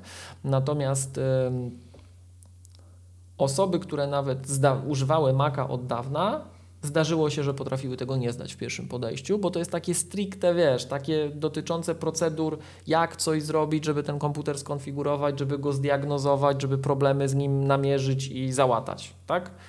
E, pomóc użytkownikowi w tarapatach i tak dalej, i tak dalej. Na przykład swego czasu, nie wiem jak jest teraz, od pracowników Apple Care się wymagało, żeby każdy z nich miał ten pierwszy level zrobiony minimum, tak? No, To tak jest też pracujesz niż- w Apple'u gdzieś tam, no to, to, to raczej tak. Nie? Tak, i miarę teraz y, to jest też taka ciekawostka, y, może to powiedzmy, znaczy ciekawostka, nie ciekawostka. Y, spora część vendorów y, zewnętrznych rozwiązań, na przykład rozwiązań MDM, zakłada, że przystępując do ich certyfikacji, takiej już konkretnej, jeden albo drugi z tych certyfikatów masz. Że to jest wstęp, że to jakąś taką linię bazową tego, co my zakładamy, że ty musisz wiedzieć, żeby rozmawiać o konkretnych produktach i certyfikować się z nich, e, mieć. Tak? I na przykład mamy takiego absolwenta, który właśnie najpierw zdał tę Apple'ową certyfikację, a wczoraj się pochwalił, że w e, pół roku przeszedł tą certyfikację jumfową od setki do cztery setki, co jest bardzo dużym osiągnięciem. Także serdeczne gratulacje Witek. E, Ale to właśnie to pozwala się, wiesz, to pozwala tę twoją karierę w stronę Apple'a bardzo mocno popchnąć. Tak? Więc ja z tego względu bardzo cenię certyfikację Apple'ową, no bo ona moją ścieżkę kariery tak naprawdę zbudowała. Ja trochę na początku przypadkiem na nią trafiłem i później co roku trzymając się tego, zdając kolejne levele, gdzieś tam sobie to wszystko jakoś układałem. E, Także to jest e, fajna sprawa. Widzę, że mi e, Maciek wkleił na czata, że można cztery razy podchodzić do każdego egzaminu, nie dwa. To widać się to zmieniło. To, to ok, były pewne reżimy luzowane, albo to już jest ta nowa jakość. Być może już pewne rzeczy są e, podane na nowo. Jak ja podchodziłem jeszcze do tej bieżącej wersji na samym początku po jej publikacji, to reżimy były trochę inne. Czasem Apple rzeczywiście to zmienia. Jak na Okej, to prywatnych dzięki, Maciek, uczelniach. za to. Na państwowych uczelniach możesz tylko dwa razy zdawać egzamin, a prywatne uczelnie to o, tam tych terminów jest więcej. Dzięki za to sprostowanie. Widać, w tę stronę wieje wiatr. O, Pimposz mówi, że na prawo jazdy można bez O, limitu zdawać. I właśnie, i bardzo dobrze. To sobie zapiszę. Zrzut ekranu sobie zrobię. O, to Także- miłość, to o także- tobie, nie? A to jeszcze ja nie Tak, razu nie podchodziłeś, jeszcze tam nie dotarłeś do Nie, momentu, że nie, trzeba nie, usiąść egzamin i coś tam, tak? No. Tak, tak, tak. Dobrze. Yy, Miłosz, okej, dziękuję Ci bardzo za tutaj to, to, za, za, za, za te e, informacje. Super to, no, ważne to dla wszystkich osób, zwłaszcza jak mówisz liczby, jakie to są na świecie, w Polsce, tak? I że czasami niektórzy pracodawcy, że może a albo nab- nabić punktów u pracodawcy, albo wręcz pracodawca wymaga, no to już jest wtedy w ogóle nie ma o czym rozmawiać, tak? Miłosz, proponuję zmierzać do szczęśliwego końca. Miałem o tym Apple Watchu mówić tak dalej, ale proponuję następnym razem, dobra? Żebyśmy tutaj tak Dobra, e, e, dobra. czas jakby tutaj dyskusji szanując. Czy do końci, jest ten kącik kulturalny? Zastanawiam się, czy jestem, czy jestem przygotowany. Wydaje mi się, że mogę być przygotowany do kącika kulturalnego. Bo ponieważ Super. Było tak, że była super promocja na Disney Plusie, że można było 3 miesiące kupić za łącznie całe 15 zł, że wiesz, jeden miesiąc był za 5 zł. I oprócz tego, że obejrzałem po raz setny Titanica, tak, to no nie mogę się powstrzymać. Co kliknę, to oglądam. Tak? Jestem naprawdę zachwycony tym filmem. Filmem on się bardzo ładnie zestarzał. Titanic, nie? Że czasami oglądasz takie filmy, które mają no już sporo lat, patrzysz tak, mhm, dobra, że efekty specjalne nie wytrzymały próby czasu i tak dalej, no to Titanic w 2023 to nie tak samo efektownie jak w tym 97 roku, jak go wypuścili. To po prostu dobrze zrobiony, dobrze zrobiony film, tak? Ale ja oczywiście nie o Titanicu chciałbym polecić, bo wyoglądałem z rzeczy zaległych. To nie jest nowy serial. Serial w świecie Gwiezdnych Wojen, który się nazywa Andor. I to jest taka rzadkość w świecie Gwiezdnych Wojen, że mimo, że to się dzieje w tym całym uniwersum, tam można umiejscowić w czasie, wiadomo czego będą dotyczyły poszczególne wydarzenia, że nie jest to film, w którym są, wiesz, rycerze Jedi. Nie ma to tam, nie ma, nikt nie używa mocy, nikt nie bije się na miecze świetlne. Nic z tego nie ma. To gdzieś tam słyszy się, że gdzieś tam jest imperator, którego też nie jest pokazany, gdzieś tam jest Darth Vader, który też nie jest pokazany i tak dalej. Rzecz dzieje się zupełnie gdzie indziej. Jest pokazany jakby no, ci, którzy oglądali Rogue One, to tam jest jeden z głównych bohaterów Rogue One, występ jest głównym bohaterem y, w całym serii. O nim zrobiono cały serial. Bardzo mi się podobało. Bardzo mi się podobało, mimo tego pewnego zaskoczenia. Zaraz, zaraz, zaraz. Gwiezdne Wojny, jest Imperium są jakieś zaczątki rebelii. No i gdzie są rycerze, tam Jedi z mieczami świetnymi i tak dalej. Ale jak uświadomiłem sobie, w którym momencie w czasie tej całej chronologii Gwiezdnych Wojen jesteśmy, to, by, to tam nie mogą być, bo tam Obi-Wan Kenobi na emeryturze, on, zresztą o nim jest osobny serial, bardzo mi się też podobał i tak dalej, i tylko jest właśnie serial Andor, więc ja bym chciał tutaj właśnie niezwykle nietypową rzecz, Ser, serial w świecie Gwiezdnych Wojen, gdzie tych takich elementów gwiezdnowojennych, z których, z których Gwiezdne Wojny słynną, nie ma. Nie ma właśnie, wiesz, mocy, rycerzy Jedi, mieczy świetnych, tak, mrocznych lordów Sith i tak dalej, i tak dalej. Tylko jest taki trochę polityczny, trochę sensacyjny film o tym, jak imperium działa od, od spodu, nie? Także jak ta rebelia się rodzi i jak tam to wszystko gdzieś tam, no, jakieś różne, jakaś opozycja działa, coś tam Rzezimieszkowie, gdzieś to, coś się dzieje, także bardzo fajnie. Także, no i tak oczywiście, i co bardzo ważne dla tych serialów Disneya, Mm, tych, tych, tych to jest zrobione z pełnym rozmachem. Wysoki budżet, nikt tam nic nie oszczędzał, efekty specjalne są takie, jak powinny być i tak dalej. Nie? Więc ja bym tutaj chciał serial Andor polecieć. Niestety nie ma już tej promocji na, e, na Disney Plusie, trzeba płacić pełną stawkę, więc no, no ale tam. Andor można w trzy wieczory wyoglądać, bo to jest chyba z 10 odcinków czy coś takiego. Okej. Okay to ja chciałem w myśl, nie oglądałem, ale to na pewno musi być dobre, więc polecę i nawet nie wiem, czy już jest w ogóle, słuchajcie, w kinach, e, nowego Pana Kleksa polecić. O, co ty opowiadasz? Nie, nie widziałeś, Michał? Nie, nie, ja to wiem, tak że jest, propos kojarzę. tego, tak. że wysoki budżet i pierwszy taki chyba polski film. Naprawdę? Także nowa Akademia Pana Kleksa.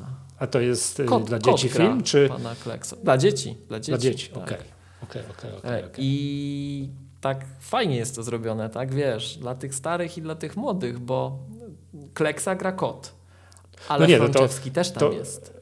Frączewski też niesamowity. Jest, A ko, jest, kogo, gra, jest, kogo, jest. kogo, gra, kogo gra? No pana Kleksa. Nie, to wiem, że kod gra pana Kleksa. A Franceski, z, Franceski nie wiem, z takiego trailera, takiego wprowadza, wprowadzającego do tego świata kogoś. Właśnie nie, nie wiem, jak to jest rozegrane, ale fajnie jest to zrobione y, po trailerze. Nie widziałem jeszcze tego filmu. Ponoć ma być tylko w kinach, więc będę musiał pójść. E, no i to się wydaje ciekawe. A z takich rzeczy bardziej muzycznych, to słuchaj, muszę przyznać, że ostatnio Apple Music mi zaczęło bardzo fajne rzeczy polecać. I żeby dzisiaj się nie mm, rozpędzać za bardzo, to tylko powiem jedną rzecz. Płytę polecę, którą mi poleciło Apple Music. Mrozu MTV Unplugged. To gorąco, gorąco polecam, fajnie to wygląda. Natomiast widzę, że na czacie Michał Król, serdecznie pozdrawiamy. Nie wiedziałem, Michał, że w ogóle dołączyłeś. Chciał zwariowany świat Malcolma, więc kupił Disney Plus. Zwariowany świat Malcolma, to jak ja czasem mówię, że są dwa filmy o życiu, to ten serial coś w sobie ma. Zwariowany świat Malcolma. To, to, jest, to jest to. To jest to. Bardzo dziękuję, Michał, że to przytoczyłeś. Zapomniałem o tym. To jest jak, prawie jak generał Daimos, dla tych, co wiedzą. Dobrze. Okej. W swojej E, kategorii oczywiście. Dobrze, to Gabriel musi uciekać, a to bardzo niedobrze. Myślałem, że zostanie do części niepublicznej, bo chciałem go tam podpytać o jego nowy komputer, ale już trudno. To może następnym razem, Gabriel, jak będziesz. Dobrze, to bardzo dziękuję, tak? Yy, no, dobra, fajnie. To mamy bardzo ładny, zgrabny, zgrabny odcinek. Okej, to co, to dzięki serdecznie, tak? To była Magatka, podcast serwisu MyApple. Ja nazywam się Michał Masłowski. Z tej strony Miłosz Staszewski z K7. W Do końcu usłyszenia. po takim czasie do usłyszenia. Do usłyszenia.